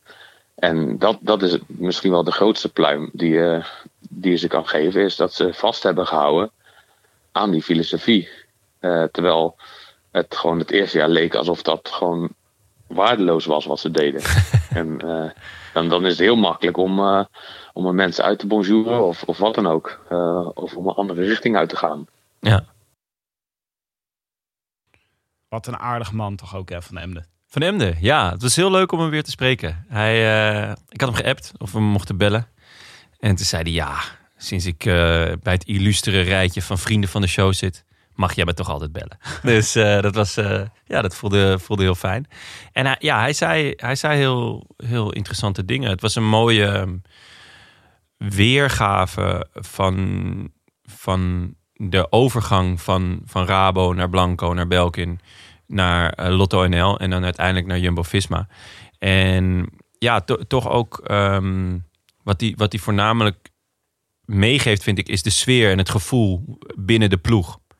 Dus ehm, ja, uiteindelijk, soms zijn de resultaten er niet. Maar kan je toch al merken van, nou ja, het, het, eh, we gaan een kant op, een goede kant op. Eh, en dus, dus dat er een nieuwe filosofie heerst en dat je daar aan vasthoudt, ook als het minder gaat, dat is natuurlijk eh, de kracht. En het leuke is dat het uiteindelijk ook uitbetaalt. Kijk, je kan natuurlijk ook jarenlang vasthouden aan een filosofie die niks oplevert. Eh, en dat is ook balen. Maar dan, eh, ja, je kan beter een plan maken en je daaraan vasthouden. Hij zegt, nog Lijkt niet mij. zo, hij zegt nog niet zo heel veel over wat die filosofie dan is. Nee. Maar het klinkt ook wel alsof het belangrijk is dat er op dat moment mensen kwamen die er gewoon voor de lange termijn in zaten. En die gewoon Ja. eh, zich niet direct, eh, niet direct wakker la- lagen over de resultaten, maar bedachten van ja, hoe kunnen we zorgen dat we over een tijdje weer goed worden. Ja, dat is interessant natuurlijk. Dus dat is wat Plugge eigenlijk ook zei. Hè? Dus dat ze, dat ze de, de eerste jaren na eh, Blanco vooral bezig waren met het met overleven. Hebben we, bestaan we volgend jaar nog? Hebben we nog een sponsor? Eigenlijk Plugge die zegt, eh, mijn voornaamste taak in die tijd was gewoon zoeken naar een sponsor. Dus er was helemaal geen tijd om beleid voor lange termijn te maken. Waar we gewoon moesten blij zijn als we zeg maar het einde van de maand eh, of het einde van het profseizoen weer haalden. En, ehm, en vanaf het moment dat dan, dat dan Jumbo eigenlijk instapt, is eigenlijk het moment dat ze, dat ze die, eh, die Van Eert familie eh, ook treffen. Die eigenlijk het soort onderdeel ziet van een soort groter sportproject. De Jumbo-familie is De, dat, de hè? familie Ja. van Jumbo, ja, ja van de, de supermarkten. Die ook natuurlijk op, op eigenlijk nog veel meer vlakken. Dus ook met het rondom het schaatsen en ook bijvoorbeeld met Max Verstappen. Eigenlijk ook eigenlijk een soort van grote, grote sponsor van de Nederlandse sport eh, geworden zijn in die Ja. tijd. Dus eigenlijk hun portfolio uitbreiden met wielrennen. En, en ook inderdaad, dus echt zeiden, we zijn hier, eh, we, we zijn de komende jaren zijn we, zijn we er. Eh, en dat betekent dus dat je vooruit kunt kijken. Dus Ja. je niet hoeft te denken, bestaan we volgend jaar nog? Maar hoe kunnen we zorgen dat we nu het fundament leggen om over twee jaar top te zijn? Ja, en er stonden eh, ook mooi wat Van Emde zegt, is dat het eigenlijk bij de leiding van de ploeg begon het een beetje. Dus je kreeg een, een sponsor die erin zat voor de langere termijn. Ja. En je had eh Plugge die er inmiddels zat. En Zeeman die er zat. En Heiboer. Dus je had al mensen die in de ploeg zitten. Die konden zorgen dat er, dat er eh, getraind werd en gepland werd. Om te zorgen dat het Ja. over een paar jaar later beter zou Ja. worden. En de mensen die er al zaten eh, vanuit de, de, de development team. eh, die ook gewoon nog steeds kwaliteit bleven, bleven eh, geven. Dus wie noemde die? Nico Verhoeven, geloof ik. Ja. En eh, wie was die ander? Poeh, kom- Krui- Piet Kruijs. Ja, ja, inderdaad. En want daar stond Rabo natuurlijk ook onbekend. Die hadden gewoon een, een opleidingsploeg. En dat is nu ook fijn. Ehm, want volgens mij sinds dit seizoen of vorig seizoen... heeft Jumbo ook weer zijn eigen opleidingsploeg. En Ja. dat is voor de structuur van het Nederlandse wielrennen... ja, toch essentieel. Ja. Ehm, want er zijn niet zo heel veel opleidingsploegen überhaupt meer. En ja, als, als dan in Nederland je opleidingsploeg wegvalt... eh, dan, dan heb je als sport gewoon een enorm probleem. Ja. Ik werd daar dus ook heel blij van. Ik ben natuurlijk ook, eh, ik, ik ben natuurlijk ook helemaal opgegroeid met de Rabobank. Dat is mijn hele, mijn hele actieve wielerkijkcarrière was de Rabobank, zeg maar, was, was. Maar een van de fantastische dingen van de Rabo, los van dat development team, wat ze, waar ze natuurlijk ook altijd bekend om stonden, was natuurlijk ook dat zij echt in de haarvaten van het Nederlandse wielrennen zaten. Dus je kon geen dorpsrondje organiseren of de Rabobank was wel hoofdsponsor. En wat ik echt, eh, dus eh, letterlijk volgens mij overal was de lokale Rabobank sponsorde gewoon dat er, dat er dikke bandenraces waren en zo. Ehm, en volgens mij, wat ik laatst dus, eh, ehm, was ik bij de ronde van de Orteliusstraat. Of laatst, dat was vorig jaar ergens. En, ehm, en tot mijn grote vreugde was Jumbo daar ook aanwezig als, Oh. eh, als eh, grote sponsor. Ja. En toen dacht ik, dit begint dus de contouren te krijgen van het nieuwe keizerrijk van het Nederlandse wielrennen. Ja. Want als je hier, als je snapt dat je hier aanwezig moet zijn, dat dit de basis is, zeg maar, dan, is, dan ontstaat een soort de piramide waar ze het dan altijd over hebben, zeg maar, wanneer je, waar, je naartoe waar, je naar de top kunt werken. Maar weten jullie iets meer over die filosofie die er dan geïntroduceerd werd? Ik bedoel, weten we daar iets van meer Nou ja, dan ze dachten over de lange termijn? na? Daar kunnen we sowieso Marijn Zeeman natuurlijk volgende week naar vragen. Ja. Ik hoorde hem in de, in de Mark Tuitert podcast. Of in de podcast van Mark Tuitert. Drive heet hij volgens mij, werd hij geïnterviewd daarover. Daar zei hij toen wat, wat meer over. Ehm, en wat ik interessant vond was dat ze zich... Het le- het leek toen, maar dat moeten we nog even vragen... dat ze zich heel erg hebben laten beïnvloeden door eh, het boek Legacy.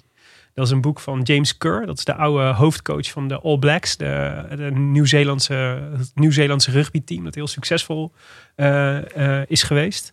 Ehm, en wat zij als een soort van, wa- wat zij ook als een soort, nou, zo klonk het in ieder geval als een soort bijbel voor het ontwikkelen van, een, eh, van, eh, van sportprestaties. En Zeeman heeft het daar heel erg over dat ze veel innovatiever zijn geworden. Dus dat ze, dus dat ze, dat ze eigenlijk op alle fronten proberen om, eh, om nooit genoegen te nemen met de status quo, maar eigenlijk altijd door te ontwikkelen. En bijvoorbeeld ook partners te selecteren die altijd, die nooit genoegen nemen met, het, met, met hoe het is, maar altijd beter willen.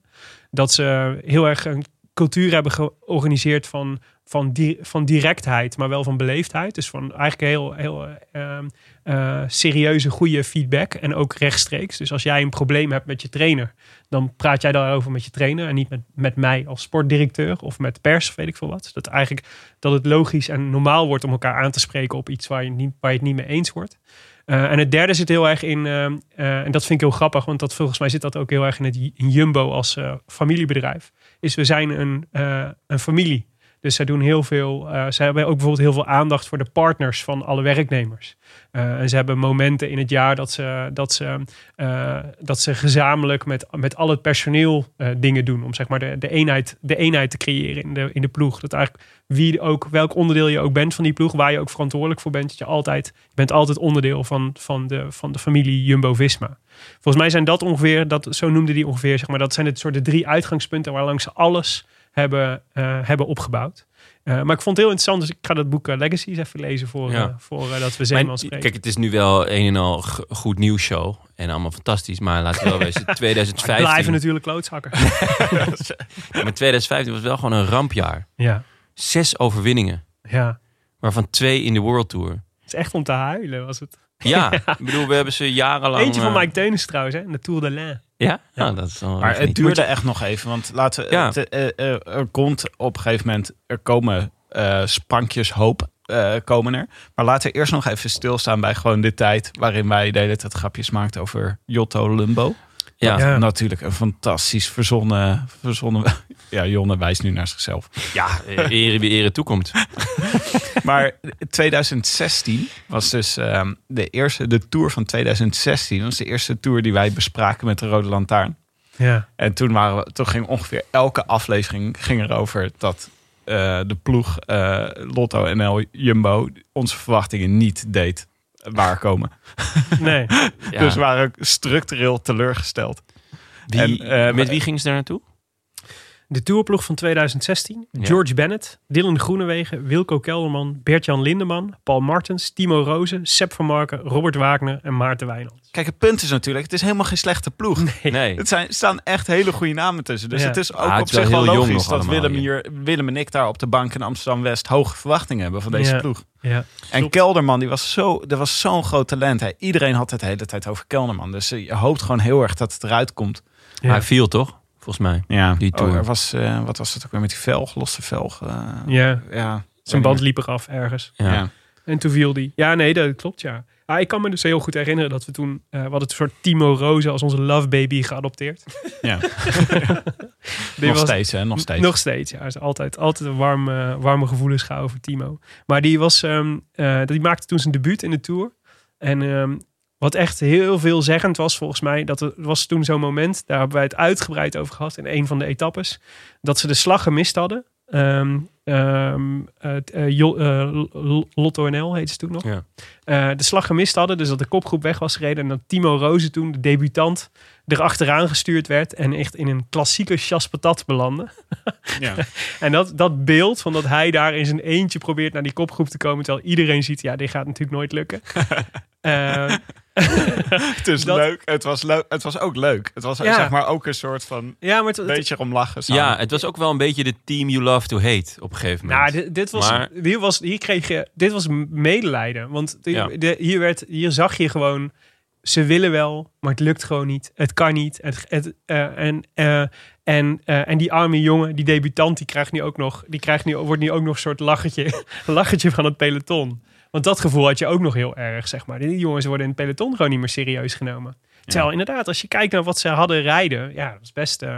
maar volgens mij Ah. Zeem- Zeeman heeft er achteraf ook over gezegd van dat het ook dat zij toen niet, dat ze eigenlijk de jongens ook naar de tour hadden gestuurd van 2016 om te leren. Ja, want het is een heel jonge ploeg ook. De- Ja. In ieder geval, kijk, Bennett is gewoon eh, een, een top 10 in spe hier al. Zeker. Maar ja, Groenewegen ook gewoon nog jong. Groenewegen ook natuurlijk een topper in de, spe. debuuttour. Ja. Kelderman, hetzelfde verhaal. Van Marken misschien was al wat verder. Maar de Tour is natuurlijk niet zijn forte, om het zo te zeggen. Nee, nee, nee, klopt. Dus Maar er- hij kreeg toen heel veel kritiek, Zeeman. Omdat eigenlijk heel veel mensen zeiden... Het is, het is eigenlijk de... Zij, zeiden, je- je mag de Tour niet gebruiken als een plek om, eh, om Ja. eh, jong, talent, eh, jong talent te laten wennen. De Tour is ervoor om te presteren. Maar dat was, dat was eigenlijk, was wat mensen eigenlijk zeiden, was dit is de Rabo-ploeg onwaardig. Volgens Ja. mij. Dat was eigenlijk de verborgen, de verborgen boodschap nog. En dat was eigenlijk, ehm, als ik naar die podcast, want ik heb een paar teruggeluisterd.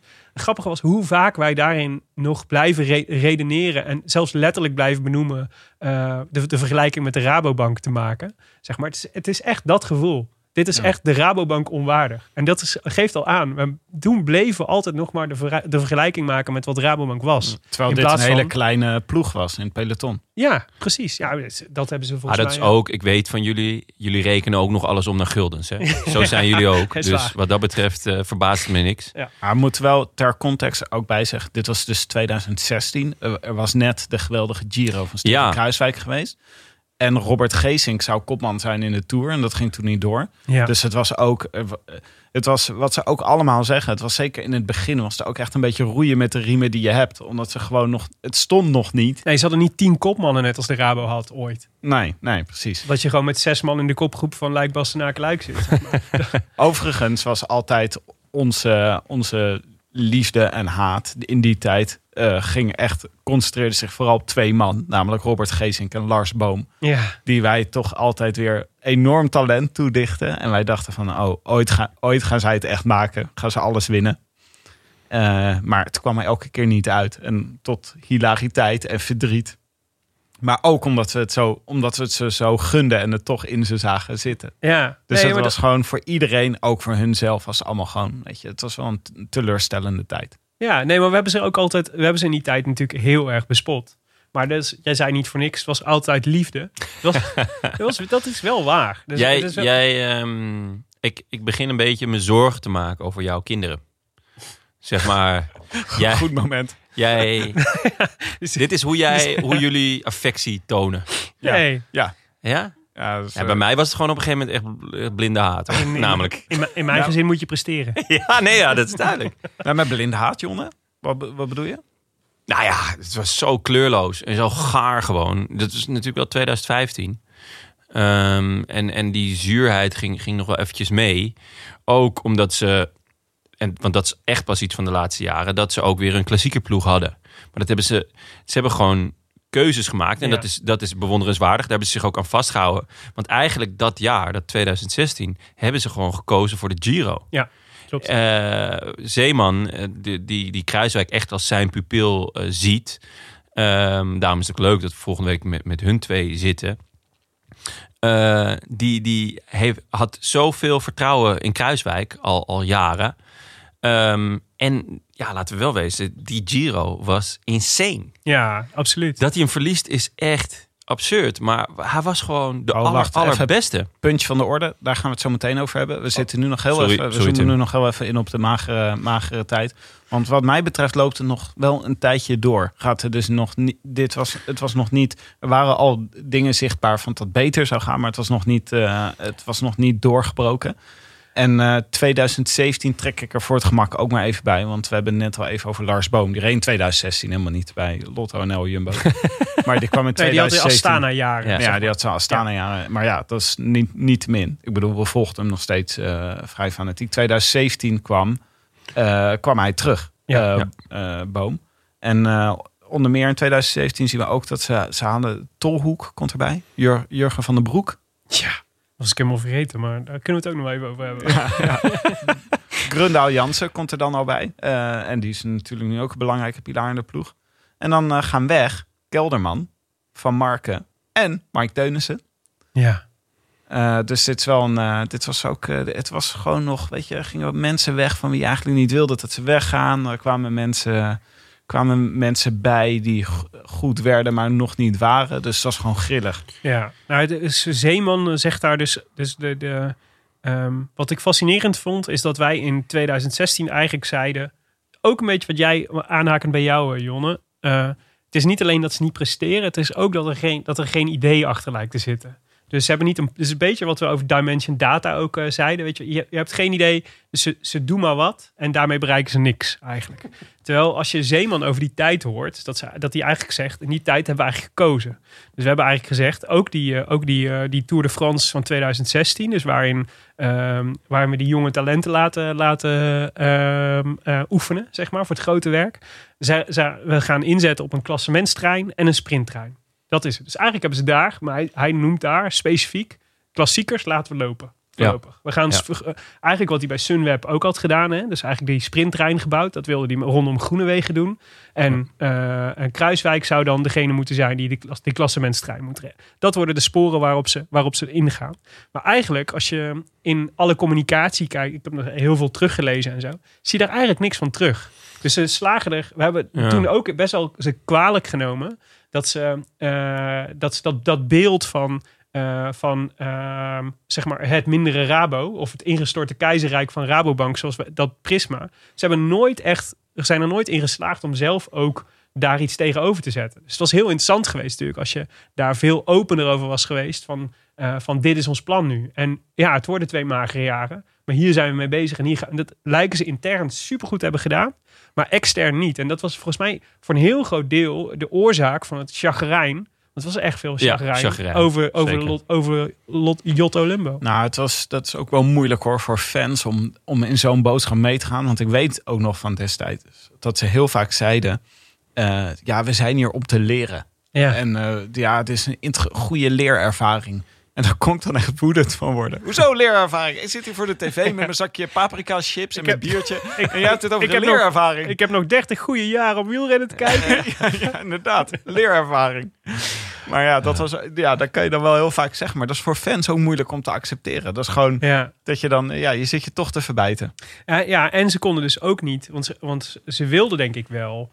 Um, naast die leerervaring daar nog ook directe prestaties naast zetten. Want dat, dat wil natuurlijk je, dat maakt je verhaal natuurlijk ook makkelijker te verkopen. Dus als je daarnaast zegt van we zijn een ploeg in opbouw, maar daarnaast, oké, weet je wel, die 20 overwinningen per jaar, dat, of 30 overwinningen per jaar, waarvan uh, vijf of zes prominenten, dat zit wel goed. Maar daar is geen geld voor. Dus het is natuurlijk ook een ploeg die van een van de rijkste ploegen uh, naar een van de armste ploegen in de, in de, in de World Tour ging. En ja. daardoor ook helemaal niet meer go echt goede renners kon betalen. Maar een saillant detail daarin is dat ze vorig jaar, uh, af, afgelopen jaar hadden zij gewoon het twee na laagste budget van de, van Ja. de World Tour.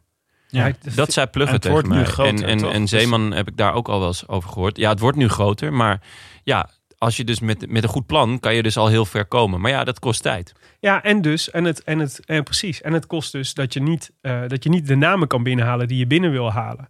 Want inderdaad, uh, dan moet je het dus hebben van jongens als Jurgen van den Broek. Uh, die volgens mij op dat moment echt, uh, echt nou ja. Uh, Die was op fietsvakantie. Die was op fietsvakantie. ja. ja.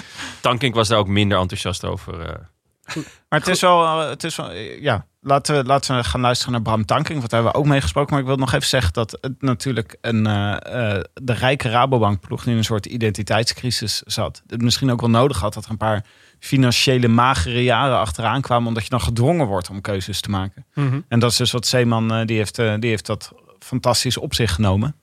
Uh, in het begin trouwens nog in een minder belangrijke rol dan, uh, dan ja, later. Toen was hij gewoon ploegleider. Ja, ja. maar het is uh, dat, dat je keuzes moet maken op een gegeven moment. Heb je blijkbaar gewoon iemand nodig die zegt: Oké, okay, dit wel en dit niet. Mm -hmm. Wat we gaan doen. Maar goed, zoals je al aankondigde, Jonne heeft ook gesprek gevoerd met onze grote vriend Bram Tankink over die jaren. Want dan kunnen we langzaam en voorzichtig een bruggetje maken naar de lichtpuntjes en, uh, de het omslagmoment. Het omslagmoment en uh, uiteindelijk uh, de oprichting of nou ja, de voortzetting als Jumbo-Visma. De nieuwe hegemonie. De nieuwe hegemonie. Maar met Tankink beginnen we ook even bij het begin. en dat klinkt als volgt. Rabobank stopte. Um, ja. En um, wat veranderde er toen, toen Rabo stopte? Alles alles eigenlijk. Hè. Uh, heel even stortte de wereld uh, in. Hè. De totale zekerheid die er al jaren was vanuit de Rabobank ploeg. Hè. Met daarbij ook de bijbehorende luxe en geldstroom. En uh, ja, gewoon ook de naam die aan die ploeg hing. Ehm, die, die, hield op te bestaan. En daardoor kwamen we in een hele onzekere periode terecht. Waarin gewoon niet meer het grote geld uh, toegankelijk was. En, en, en, dat, en, en, en, en zodra, het, zodra het om geld gaat, en, het, en die geldkraan gaat in één keer dicht, ja, dan veranderen ook heel veel mensen. En dan verandert ook gewoon een heel groot. verandert eigenlijk de hele ploeg. En dat heb je ook in het begin ook echt gezien. Maar wat wel het mooie was, hè, want iedereen was in de jaren van Rabobank op een gegeven moment ook een beetje gemakzuchtig geworden. Hè. Dus uh, er zat niet echt een, een, een, een, een lijn in die ploeg van ontwikkeling. Hè. Die ontwikkeling die werd gedaan door de development team. En dat was, dat was een super goede ploeg. Maar daar werd ontwikkeling gedaan. En als je dan prof bij de Rabobank, ja, dan werd er gewoon alleen gekeken naar de naar prestaties. En die prestaties moesten natuurlijk in de vroege jaren komen van Borgert en, uh, en, en, en, en, en, en Dekker Mhm. en, uh, en, en, en, die mannen. Ja. En later, toen hun gestopt waren, toen moest het dan komen van Menchoff en uh. En, en hoe ze dat deden en wie ze daaromheen, Pereira natuurlijk, en wie ze daaromheen hadden, dat deed er allemaal niet toe. Snap je? Dus het ging echt om die paar uh, kanonnen, die moesten uh, scoren en de rest moest gewoon met Nederlanders opgevuld worden. Um, ja, er zat best wel weinig lijn in. En omdat die ploeg toen ineens stopte en het geld uh, vertrok, toen kwam er wel gelijk het besef van, maar wij willen door. Het was echt wel een beetje haast nieuwe generatie, jonge generatie, en de Steven Kruiswijk die er natuurlijk al was. En, Mhm. uh, ja goed, ik, neem maar Robert Gissing daar ook, daar ook, uh, neem, noem ik ook bij. Um, die, die, die ineens toch wel beseft van, oei, het is vergankelijk. En um, toen zijn we wel met z'n allen bij elkaar gaan zitten en, en gezegd van, nou, wij gaan ervoor zorgen dat we eind van het jaar, eind volgend jaar, uh, weer een sponsor hebben. En, uh, en, we zullen er heel hard voor moeten gaan. En, en, en, en eigenlijk, dus hè, aan de ene kant de andere kant werd het meteen een ploeg gesmeed. Een veel duidelijkere ploeg. Um, maar doordat er geen geld was, verdween uiteindelijk natuurlijk ook gewoon heel veel kwaliteit. En dat was, uh, dat was heel moeilijk. Uh, maar ik denk dat het ook voor het personeel vooral heel moeilijk is geweest. Omdat, hè, er zat een hele grote uh, vaste garde aan personeel. Ja. En die moesten ineens allemaal inleveren. Maar die, hè, dus um, uh, of meer gaan werken voor hetzelfde. Of, uh, en, en dat is natuurlijk, dat, dat doe je niet graag. Je gaat niet meer werken voor minder geld of, of, hè, of, of, of, wat dan ook. Dus uh, daar ontstond ook veel ontevredenheid. Dus in die transitie eigenlijk die, de, die er ontstond, ging je eerst, zeg maar, echt was het soort, moet zien als een, als een soort van financiële crisis. Hè. Je trekt ergens een geldkraan, je draait ergens een geldkraan dicht. in eerste instantie is er schok, dan gaat iedereen zeggen, oh we gaan ervoor. Maar dan ontstaat er een soort van oei. Uh, dan krijg je de na-effecten. En die na-effecten, die hebben nog wel even geduurd. En, maar, en waar maar, merkte je dat aan? Wel, uh, nou ja, er is veel, heel veel personeel toen vertrokken. Hè? Ja. Uh, ook, wel, ook wel goede, ook wel, ook wel goed personeel. Ehm, maar ook veel, ook, ook wel mensen waarvan die achteraf zeggen, nou, het is maar goed dat die er niet meer zijn. Hè? Die dus wel een bepaalde, uh, ja, een, een, een, een bepaald, eigenlijk, uh, een, een, een systeem in stand hielden die Ja. je eigenlijk niet meer wilde. Hè? Ja. En uh, om een ploeg te smeden, zul je het vanaf de grond aan weer op moeten bouwen. En nou ja, goed, dat is, dat is, dat is uiteindelijk is gewoon gebeurd. Wie, wie En, hebben daar eh, het voortouw in genomen? Om die ploeg weer op te bouwen? Ehm, ja, ik denk, kijk, ik denk uh, Marijn Seeman uh, vooral. Ehm, die, en ook, ook de renners hoor. Mhm. Ook de renners wel, want zonder de renners was het natuurlijk ook uh, zeker niet gelukt. Een aantal vaste groep. Hey, waar ik denk zelf ook gewoon bij hoorde. Um, maar, uiteindelijk Marijn Seeman. Maar Marijn Seeman heeft heel lang, en daarom heeft het ook best wel lang geduurd, niet, niet op de goede plek gezeten. En uh, die werd ook nog een beetje, uh, ja, die, die, die, die zit nu pas op de goede plek. Eigenlijk toen Marijn Seeman echt technisch, of ja, sportief directeur is geworden, zoals sportief directeur zie je, Ja. uh, is, die, uh, is die ploeg echt gaan groeien. Je moet uiteindelijk iemand aan de, aan, aan, bovenaan de ploeg hebben staan die echt ontzettend bevlogen is en die ook die een mensenmens is. Uh, snap je? Ja. Iemand die, die, weet, die weet uh, wat het mensen doet. En ik moet je eerlijk zeggen hoor, want ik heb ook daarin, ik bedoel, ik, ik heb als het niet goed ging met de ploeg, ja, dan belde ik altijd bij Rijn Zeeman op. En ik zei, wat verdomme, we moeten, je moet zorgen dat we, dat we kwaliteit krijgen in die ploeg. En, uh, eh, en we, we, we glijden hem af. En, dan, en uh, ik heb wel en Marijn, die, het was zijn ploeg, dus hij werd dan heel kwaad. Als je dat tegen hem zei. En dat snap ik ook wel. Maar we, we hebben wel eens echt met elkaar lopen vechten aan de telefoon. Ja. En, uh, dus ik was het echt niet met hem eens. Maar de- ik- een weet dat ik, ik weet heel goed dat ik tegen me zei, nou jij belt mij alleen maar als het slecht gaat.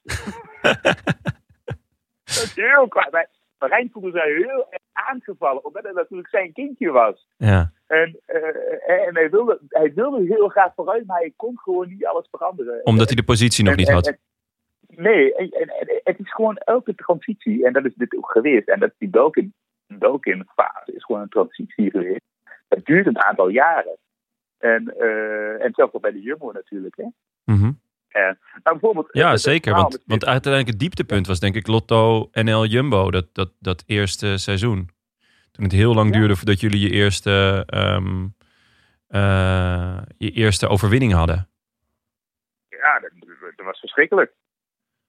Volgens mij hadden we dat, dat jaar zeven overwinningen of zo. Ja, in 2015. Ja. Ja en, en, en toen heb ik ook echt samen met Marijn op de telefoon gezeten. Maar ja, kijk, als jij renners als Brian, uh, Boelgak eh, en, en, en, en, en, en, en, en, hoe heet onze sprinter? Ehm, ehm, ik ben even zijn naam kwijt. Maar dat was echt het absolute dieptepunt van een ploeg. Als je die jongens een contract geeft, eh, Steven Lammertink, die gewoon echt niks, niks bijdragen en totaal geen professionele instelling hebben. Dan, weet je, waar komen die jongens vandaan? En, en daar, daar hebben we het al over zitten, over zitten ruzie maken. Van, ja, die, die, dat soort jongens heb je gewoon niet nodig. Die maken een ploeg kapot. Ja. En eh, want die, die, die, die, die, die zorgt voor een enorme drukke eh, sfeer.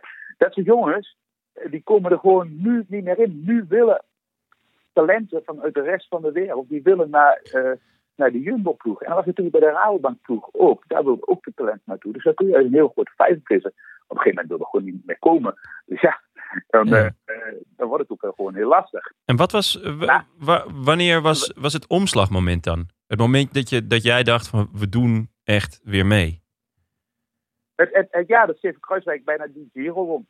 Ja, 2017, ja, dat was. En dat was ook, ik bedoel, en dat was ook het bewijs van, oké, we zijn bezig, op, we zijn op de goede weg. Hè? Wij, wij, wij, wij, kunnen echt, echt iets. En dat, dat gaf zo'n ontzettende boost aan de ploeg.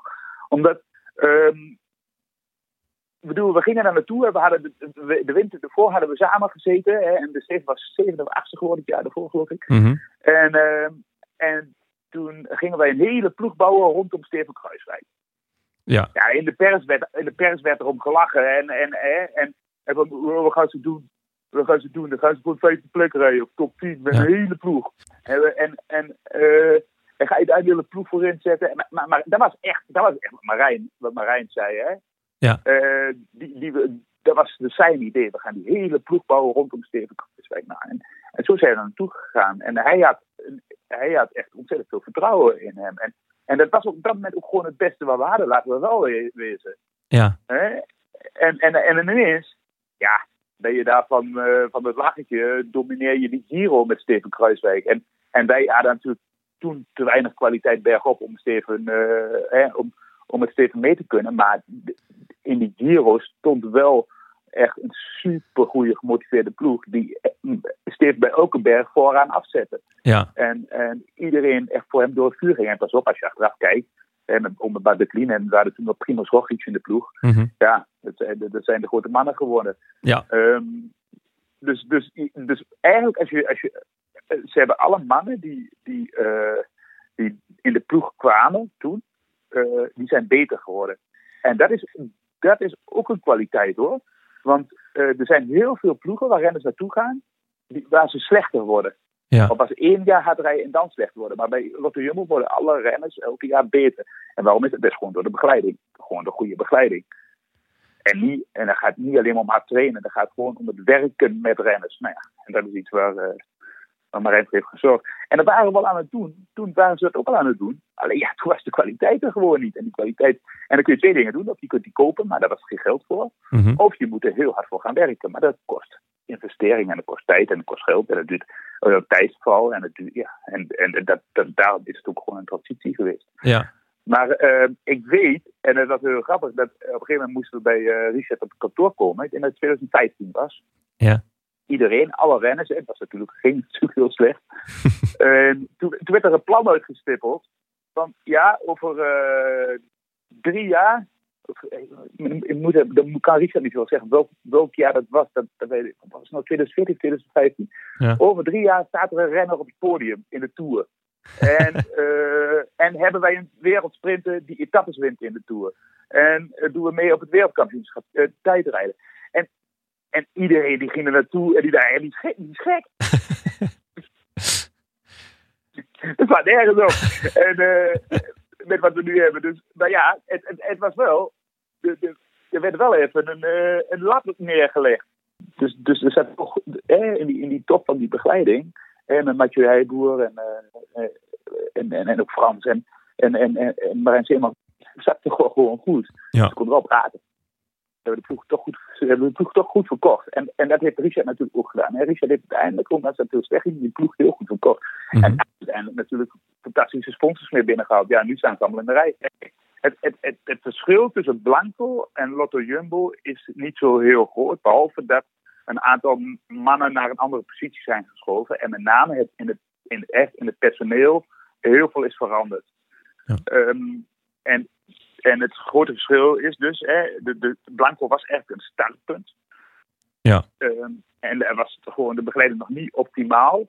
En die begeleiding is gewoon nu, is nu gewoon de beste van de wereld. Dat durf ik wel te zeggen.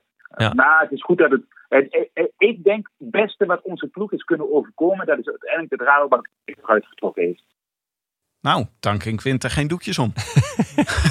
Nee, ja, hij was, hij was, en dat is heel prettig.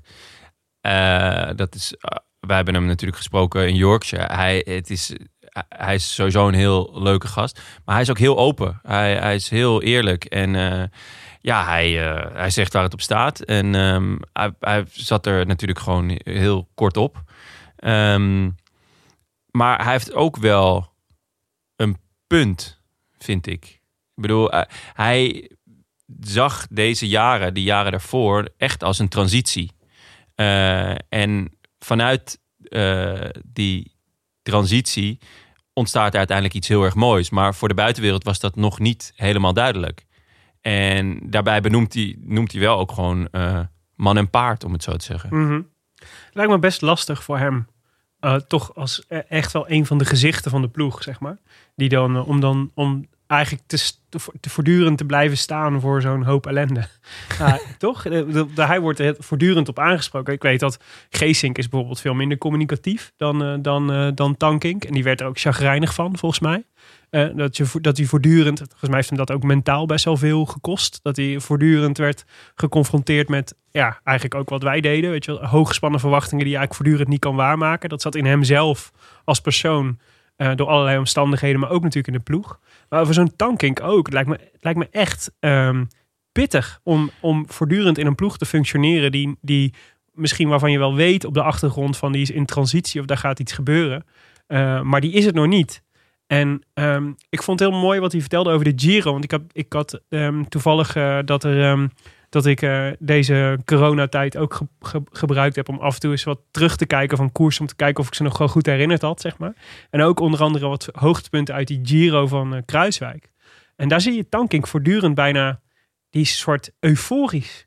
En, en dat heeft hem denk ik te maken met, met het feit dat... eh, Ontoerekeningsvatbaar eigenlijk. ja, nee, maar dat, dat Kruiswijk natuurlijk fantastisch presteert. En dat het heel fijn is om daar van onderdeel van uit te maken. Maar als, hij het, als ik hem zo hoor vertellen, denk ik, ja, het is ook opluchting. Omdat het al die jaren zo kut is gegaan. Ja. Ja. Maar ik denk ook dat, het, dat dat gewoon ook zijn rol was naar, naar buiten toe, maar ook binnen het team. Hij was een, eh, een knecht en een prima knecht. Ehm, maar hij was na- natuurlijk binnen het team meer dan dat. Ja. Ehm, het lijkt mij heel chill eh, om iemand als Tankink in mijn ploeg te hebben. Gewoon puur voor de sfeer. Weet je wel, gewoon een gast eh, met wie je kan lachen. Die Ja.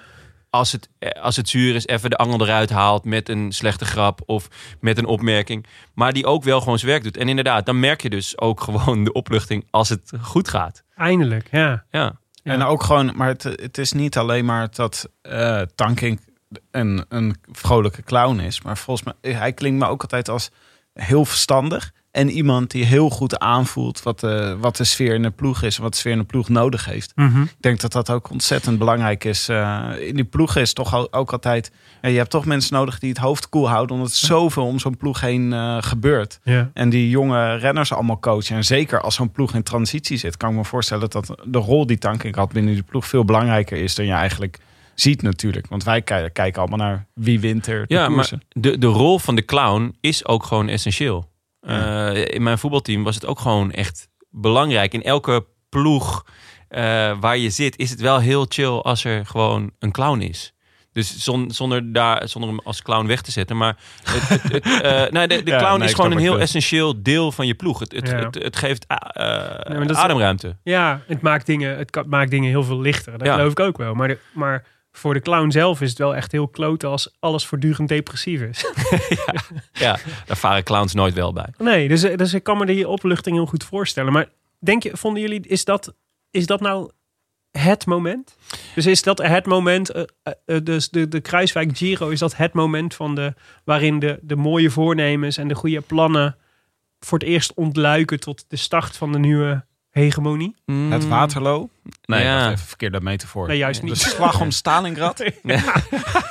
Ja, de D-Day, de landing op D-Day. Normandië. Ja. Nou ja, ik weet niet. De, de, ehm, de Plugge noemde het volgens mij ook en Tankink ook. En ik, ik denk dat het voor hun gewoon een eerste lichtpuntje was van... hé, hey, we zijn er weer. Eh, maar dat de, de, de selectie en daarmee ook de prestaties gewoon nog niet breed genoeg was. Want Nee. laten we wel weten, jullie bespreken daarna die tour eh, met een bak azijn... Alsof het, eh, alsof het al jaren alleen maar ellende was. En dat was het natuurlijk ook. Behalve dus die Giro. Dus het was misschien even. eh, misschien waren we ook wel bang van dat het een eh, dat Steven Kruiswijk een, een one day fly zou zijn. Mhm. Of, en die prestatie in de Giro dat dit een eenmalige kans was en dat hij tegen een tegen een ijsberg is opgefietst. Ja, het was wel een beetje, zie je wel dat je met een Maar- shitploeg de Giro kan winnen. het was, Nou ja, voor mij was het wel, maar ook omdat ik echt van de Giro hou, was het wel. Ik heb oprecht overwogen om uh, uh, naar je haar rood te verven. dat nooit. Dan ben ik mijn ziel kwijt. Nee, uh, om, uh, om naar Italië te vliegen. Die, uh, om, om, om bij zijn winst te zijn. Ik ben blij dat ik het uiteindelijk niet heb gedaan. Heb je dit hardop gezegd tegen iemand? Uh, ja. Dat is jinxen. Ja, maar pas achteraf. Sorry, ik ga nu je microfoon uitzetten. Ja, dit is, jinxen. Er is maar één man die hier echt professioneel kan jinxen. Dat is natuurlijk Tim. Ja, maar kijk, dat was dus ook... dit was, ja, wat er toen dus gebeurd is, is dat ik was zo euforisch blij met hoe Kruiswijk reed. Nog blijer dan Tanking. Ik was echt, echt heel erg echt hysterisch blij, terwijl ik alleen maar samenvattingen kon zien. Want ik woonde in Amerika en dan kon je die etappes kon je helemaal niet zien. En ik, was, ik liet, me helemaal meeslepen. En ik had toen dus op mijn Facebook gezet, hoe moet ik mijn vreugde hier kwijt? Want er wonen hier geen andere Nederlanders om de Polonaise bij in te zetten. Ja, nou ja, je hebt het nog veel erger verwoord, toch? dus, hoe ga ik de overwinning van de Giro van Kruiswijk ja. vieren? Ja. Wil iemand dit vel kopen van deze beer die ik nog niet geschoten heb? Ja, dat was feitelijk de zin die je op Facebook zette. Ja. Maar ik heb het goed gemaakt, hè? want het jaar daarna heb ik natuurlijk uh, uh, Simon Yates kapot ja, gemaakt. Zwaar. Zeker. Door hem uh, ook te jinxen. Ja. Maar, um, Jinx talent kun je ook voor goede dingen inzetten. Ja, precies. Um, maar het was, wat, wat dat, was voor dat moment, ja. dat moment van Kruiswijk, dat was wel echt, dat was echt fantastisch voor een heleboel Nederlandse wielrenners, omdat de middeleeuwen daar misschien mee afgesloten werden. Ja. Maar voor mij was het toch uh, nog, omdat, ja, ook misschien dat ik het op een afstandje heb meegemaakt, maar het moment, het meest intense moment waarop ik dacht, hey, nu valt het kwartje een keer de goede kant op. Mm -hmm. Want je zou ook kunnen zeggen, die Giro uit 2016 was nog steeds een beetje pech, want uiteindelijk viel het kwartje de verkeerde kant op. Komt zo dichtbij en lukt het niet. Het kwartje viel in de sneeuwmuur. Kwartje viel de sneeuwmuur. En een jaar later, in 2017, toen hadden wij een, uh, weer een tour van Lotto en Jumbo, waar het allemaal net niet lukte. En waar we vooral heel erg uh, ons aan het verkneukelen waren om Groenewegen, die de hele tijd uh, zich verkeerd positioneerde in de ja, sprint. die al best een beetje gehyped was toen. Ja, ja. ze wisten al dat, dat hij goed was. Maar mm -hmm. het, kwam er, het kwam er elke keer niet van. Gingen veel dingen mis, weet je wel, met de trein of, uh, of gewoon net timing. En kwam er een beetje lullig uit. Maar toen die overwinning op Champs-Élysées, wat toch de allerbelang, dat is gewoon de belangrijkste sprintkoers van het jaar. Ja. Dat hij die pakte. En zijn vriendin toen heel hard, hoe dan? Ja. De camera schreeuwde. dat was voor ons echt zo'n moment van, uh, wow, maar het is, het is hem gewoon gelukt. Wij hadden ook, wij dachten ook, hoe dan? Ja. Zeker. Nee, Misschien ja. dacht heel Nederland gewoon op dat moment hoe dan, omdat er net zo de, de zo'n magere jaren waren geweest. Ja. Nee, wij moesten toen ook echt ons ruiterlijk, ons ongelijk erkennen. Want wij hadden, wij hadden toch Groenewegen ook wel een beetje geduid als, ehm, als ehm, een, echt een, echt een eh, Jotto Lumbo sprinter. Namelijk Echt? iemand die, ja, die, Oh. toen net niet, die toen net niet redde. En eigenlijk, eigenlijk best wel een beetje een soort... ehm, en dat was achteraf is natuurlijk super flauw, want die jongen was jong. Maar hij kwam wel, hij kwam toen van Roompot. En, eh, en eh, dat, was, dat is natuurlijk niet per se meteen, zeg maar, de, de, de aanbeveling voor de super toptalenten. Nee. Uiteindelijk. En wij, wij hadden het best wel geduid als, als een soort van. Goh, daar gaan we weer. Weer type Danny van Poppel, Moreno Hofland. Weet je wel, net niet sprinter. Die dan eh, allemaal leuke top 10 plaatjes bij elkaar fietst. Maar waar we uiteindelijk nooit echt heel erg gelukkig van gaan worden. Met alle respect voor die jongens natuurlijk. Want dat is super knap. Maar dat was wel, dat was, dat, dat was wel het moment dat, dat de schellen van de ogen vielen. En dat we dachten, wow, Ja? als je dit kan. Jonna gaat nu zeggen dat hij het allemaal wel zag aankomen. Nou, allemaal gezien had. Sterker nog, ik eh, had een weddenschap met eh, een jongen uit de appgroep. Eh, dat hij in 2016 al een etappe in de Tour zou winnen. Ik zag het echt, ik dacht echt van ja, deze gast kan het wel. In tegenstelling tot de jongens die je daarvoor noemde. En in 2016 toen inderdaad, toen ging het allemaal maar matig. En inderdaad veel zesde plekken en dat soort dingen.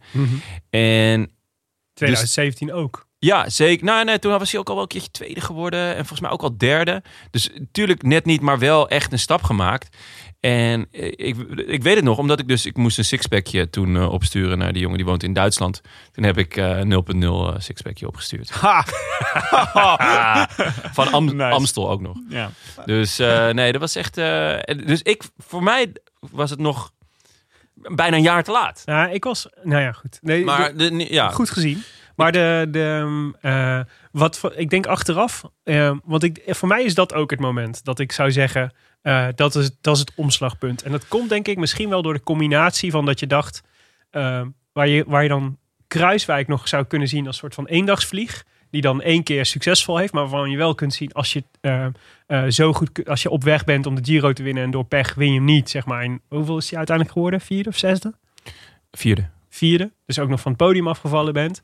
En eh, als je vierde kunt worden in de Giro dan kun je de en je bent nog relatief jong, dan kun je de komende jaren meedoen om podiumplaatsen in de grotere rondes. Dus dat is fijn. Dus daarmee denk je, oké, dus dat is gecoverd, dat deel. Maar het mooie is, dan zie je in één keer die zo'n Groenewegen ontbolsteren in Parijs. En denk je, wow, deze ploeg gaat gewoon meer ijzers in het vuur krijgen de komende, in de komende jaren. En dan ontstaat volgens mij ook zoiets, ook door dat soort jonge brani-achtige wat om Groenewegen heen hing. Veel meer dan om Kruiswijk natuurlijk nog.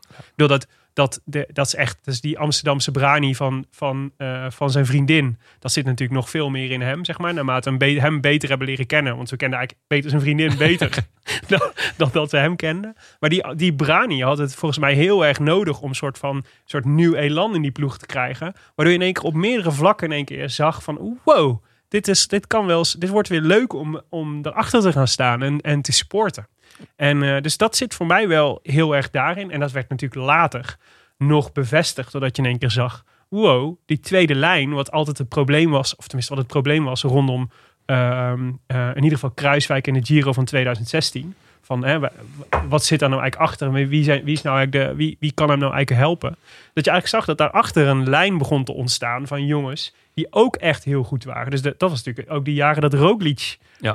eh, in één keer zich aandiende. En waarvan die ook als een soort van komeet. eh, want in diezelfde ehm, eh, Giro van Kruiswijk won hij zijn eerste etappe. Ja. Dus dat Ja. was wel, dat is, dat is, je zag daar in één keer iets gaan, gaan borrelen. Maar volgens mij, dat hoe dan moment is volgens mij heel cruciaal geweest in het veranderen van het sentiment Toch rondom, eh, eh, die Amsterdamse brani, hè? Dat zeg ik al jaren, jongens. rondom Jotto, Lummer. Daarna durfden we het eigenlijk niet meer zo te noemen. Uit angst voor eh, slaag van Nine Storms. Dat is de vriendin van Dylan eh Groenewegen. Ja, maar wij hebben eigenlijk dus... eh, we, we hebben heel lang hebben we natuurlijk een team gezien... wat niet echt een tweede lijn had. Of nooit een plan B of een alternatief. Ja, maar Als ook dan- geen echte winnaars. Ja, maar als het misging bij plan A... dan was het gelijk gewoon verloren. En, en, nee. Ja, maar en daarna kreeg... Nu heb je dus... Nu heb ik echt het gevoel dat ze toch een paar kaarten in hun handen hebben... die ze kunnen uitspelen. Ja, maar vooral ook, eh, zeg maar, plan A was als, plan, als je plan A Kruiswijk is. eh, ja, zelfs in die Giro die hij domineerde, dat vond ik nog het allerzieligste aan. Hij won geen etappe. Hij Nee. verloor uiteindelijk die, die tijdrit van een of andere Rus. Die Ja. vervolgens ja, met pensioen is gegaan, denk ik. Ehm, en, en dat is ook met, met Roglic en, en de Groenewegen die, die je binnenhaalde. Die kwamen om te winnen, om te slopen. Ja. En, en die namen ook met niks anders genoeg. En dat zorgt natuurlijk ook gewoon voor een bepaald elan. Ja, voor super dynamiek. Ja. Nou, en, en ehm, kijk, want nu gaan we la- langzaam maar zeker natuurlijk toch naar de, naar de succesjaren. Maar het jaar dat de hegemonie voor mij echt bevestigd werd, als in we zijn We Are Here, was natuurlijk de vorige tour. Eh, en eigenlijk het moment dat eerst Teunissen de, de, de, de eerste etappe won in Brussel. En vervolgens eh, de ploegentijdrit werd gewonnen. Ja. Van Aert die sprint won. Dat was natuurlijk echt... eh, Willem, hier werd Sky in de, in de bek gespuugd. ik moet, eh, ik moet even... Die overigens wel gewoon de Tour wonnen, maar vooruit. Ja, wel met andermans spuug in hun mond. Het was een emotionele overwinning voor Jumbo-Visma. Dat was Ja, duidelijk. Met een zure smaak in de mond. Dat Ja, is de zeker. spuug van eh, Moet Marijn je- Zeeman. Moet je nu nog mee komen met iemand in zijn bek spugen? Hoef je niet meer, mee te, hoef je niet meer te doen hoor. Maar eh, ja, dus eh, Lotto NL Jumbo werd Jumbo-Visma. Maar daar gaan we het volgende week over hebben. En eh, dit is de geschiedenis die eraan vooraf ging. Yes, schitterend. U luisterde naar De Rode Lantaarn, gepresenteerd door uw favoriete bankzitters Tim de Gier, Willem Dudok en mijzelf. Veel dank aan onze sponsoren, Canyon, hashtag fiets van de show. Ik eh, pak hem morgen gewoon weer op, kan mij het schelen. En eh Scorito. Ik heb nog meegedaan trouwens met een eh, fictieve ronde. Heb je gewonnen? Ja, ja, zeker. Alles. dat was toch best geinig. Toch even elke dag eh, uitslagje gecheckt. Mooi. Ze hadden wel rare dingen bedacht, maar goed, daar bel ik ze nog wel over. Eh, de Roland Taar wordt verder mede mogelijk gemaakt door Dag en Nacht Media en Netskoers.nl, de wielerblog van Nederland en Vlaanderen. Wij danken hen voor de steun op vele fronten en in het bijzonder Bastiaan Gaillard, Maarten Visser, Leon Geuyen en notaris Bas van Eyck, tevens gediplomeerd brandweerman te Maden. Willem, voordat we naar de update gaan, gingen die mannen niet een show doen Ehm, ja, die mannen gingen een show doen. op YouTube? Dat is leuk dat je het zegt. Ja, Ja. binnenkort. Ja. Dus ze gaan... eh Komen we binnenkort nog komen we op terug. Maar eh, dat- Bastiaan Gaillard en Maarten Visser worden de nieuwe, de nieuwe Jinek. Oh, ik wilde zeggen de nieuwe Mart Smeets en Ria Visser. Oh ja, dat kan ook. Ja. oh, dat is Wie is dan wie? lekker. Dat, is- ja, dat is wie- dan natuurlijk de vraag. Leuk. Ja. Willem, eh, brandweerman, in Maden, Mhm. update. Hebben we er nog één? Nou, hebben we er nog één? Hebben we er nog één? Jazeker, jongen. Hebben we er nog één? Ik neem jou mee Oh, ja, oh, pak mijn hand. naar Zorgcentrum De Wijngaard. Zeg, dat is inmiddels toch een household name in de Dat is een beetje hoe Matthijs van Nieuwkerk zich gevoeld moet hebben. Elke keer als Mark-Marie Huibrechts aan een verhaal begon. Dat hij dan dacht, oh mijn god, ik heb vijf minuten om te praten. En hij begint aan een lange anekdote. nou, Willem gaat er ook lekker voor zitten. Oké, een brandweer-update uit Maden. Zorgcentrum De Wijngaard. Dat, was, eh, Ja. dat is natuurlijk... eh, in Ze corona- waren weer bezig. Die waren weer bezig. Vaak is het bekend om de valse alarmen. Dat doen ze heel vaak. Eh, het is naar, want er gebeurt eigenlijk nooit iets. Maar Zo zijn ze, wel- bejaarden. Ze hebben vaak wat aandacht Ze nodig. hebben niks te doen, hè. Nee, maar dit keer was er wel iets aan de hand. Namelijk, eh, er was een, eh, was een van de bewoners had een eh, beknelde trouwring. Niet. Ja, dat kan dus kennelijk gebeuren. Dus dat je trouwring bekneld zit. Tim, jij bent de enige van ons drieën die getrouwd is. Heb jij dit probleem wel eens aan de hand gehad? Nee, maar toen je het net zei, dacht ik wel... Ik gelijk zo even. dat niet. Je begon een beetje ongemakkelijk te voelen. Ja, ik zag het wel, ja. Ja, ja. ja. een beetje En draaien kan, zo. kan die nog af? Ik- Anders bel ik Bas. Ja, inderdaad. Bas! Nee, maar eh, er waren dus al eh, verschillende mogelijkheden geprobeerd door de verzorgers van de vrouw. Er staat niet bij welke mogelijkheden allemaal, waar ik echt ontzettend benieuwd naar ben. Ja. Mocht je werken in de wijngaard en weten welke mogelijkheden allemaal geprobeerd zijn, laat het ons weten. Ik denk spuug. Maar de, de brandweer heeft uiteindelijk vakkundig de vinger verwijderd. Eh, ik bedoel, de, de, trouw, de trouwring van de vinger verwijderd. En uit voorzorg ook meteen de ring aan haar andere vinger eh, verwijderd. Want ja, En al haar andere vingers trouwens. ezel Ze gaat nu door het aan- leven als mevrouw Stom. Precies. Echt zo zielig. Oh. Nou goed, nou ja, je maakt wat mee in de wijngaard. Ja, skitterend, skitterend. Wil je reageren op deze Rode Lantaarn? Dat kan via vele wegen. Je kunt ons sowieso vinden op Facebook en Twitter. eh de Rode Lantaarn. Eh, maar je mag ook mailen naar groetjes@derodelantaarnpodcast.nl. Eh, en via het nieuwe platform, Vriend van de Show. Maar dat vind je ook via derodelantaarnpodcast.nl, toch Tim? Ja, juist. Goed Doneren. gezegd. Geef, geef al jullie geld. Niet gelijk mensen bij de poort Oh, sorry. jongen. is waar. centen zien. We vinden het trouwens ook nog steeds superleuk als je eens een reviewtje wil achterlaten op iTunes. Eh, dat vinden we leuk om te lezen, maar het helpt ook anderen om de show te vinden. Dat is nog steeds zo.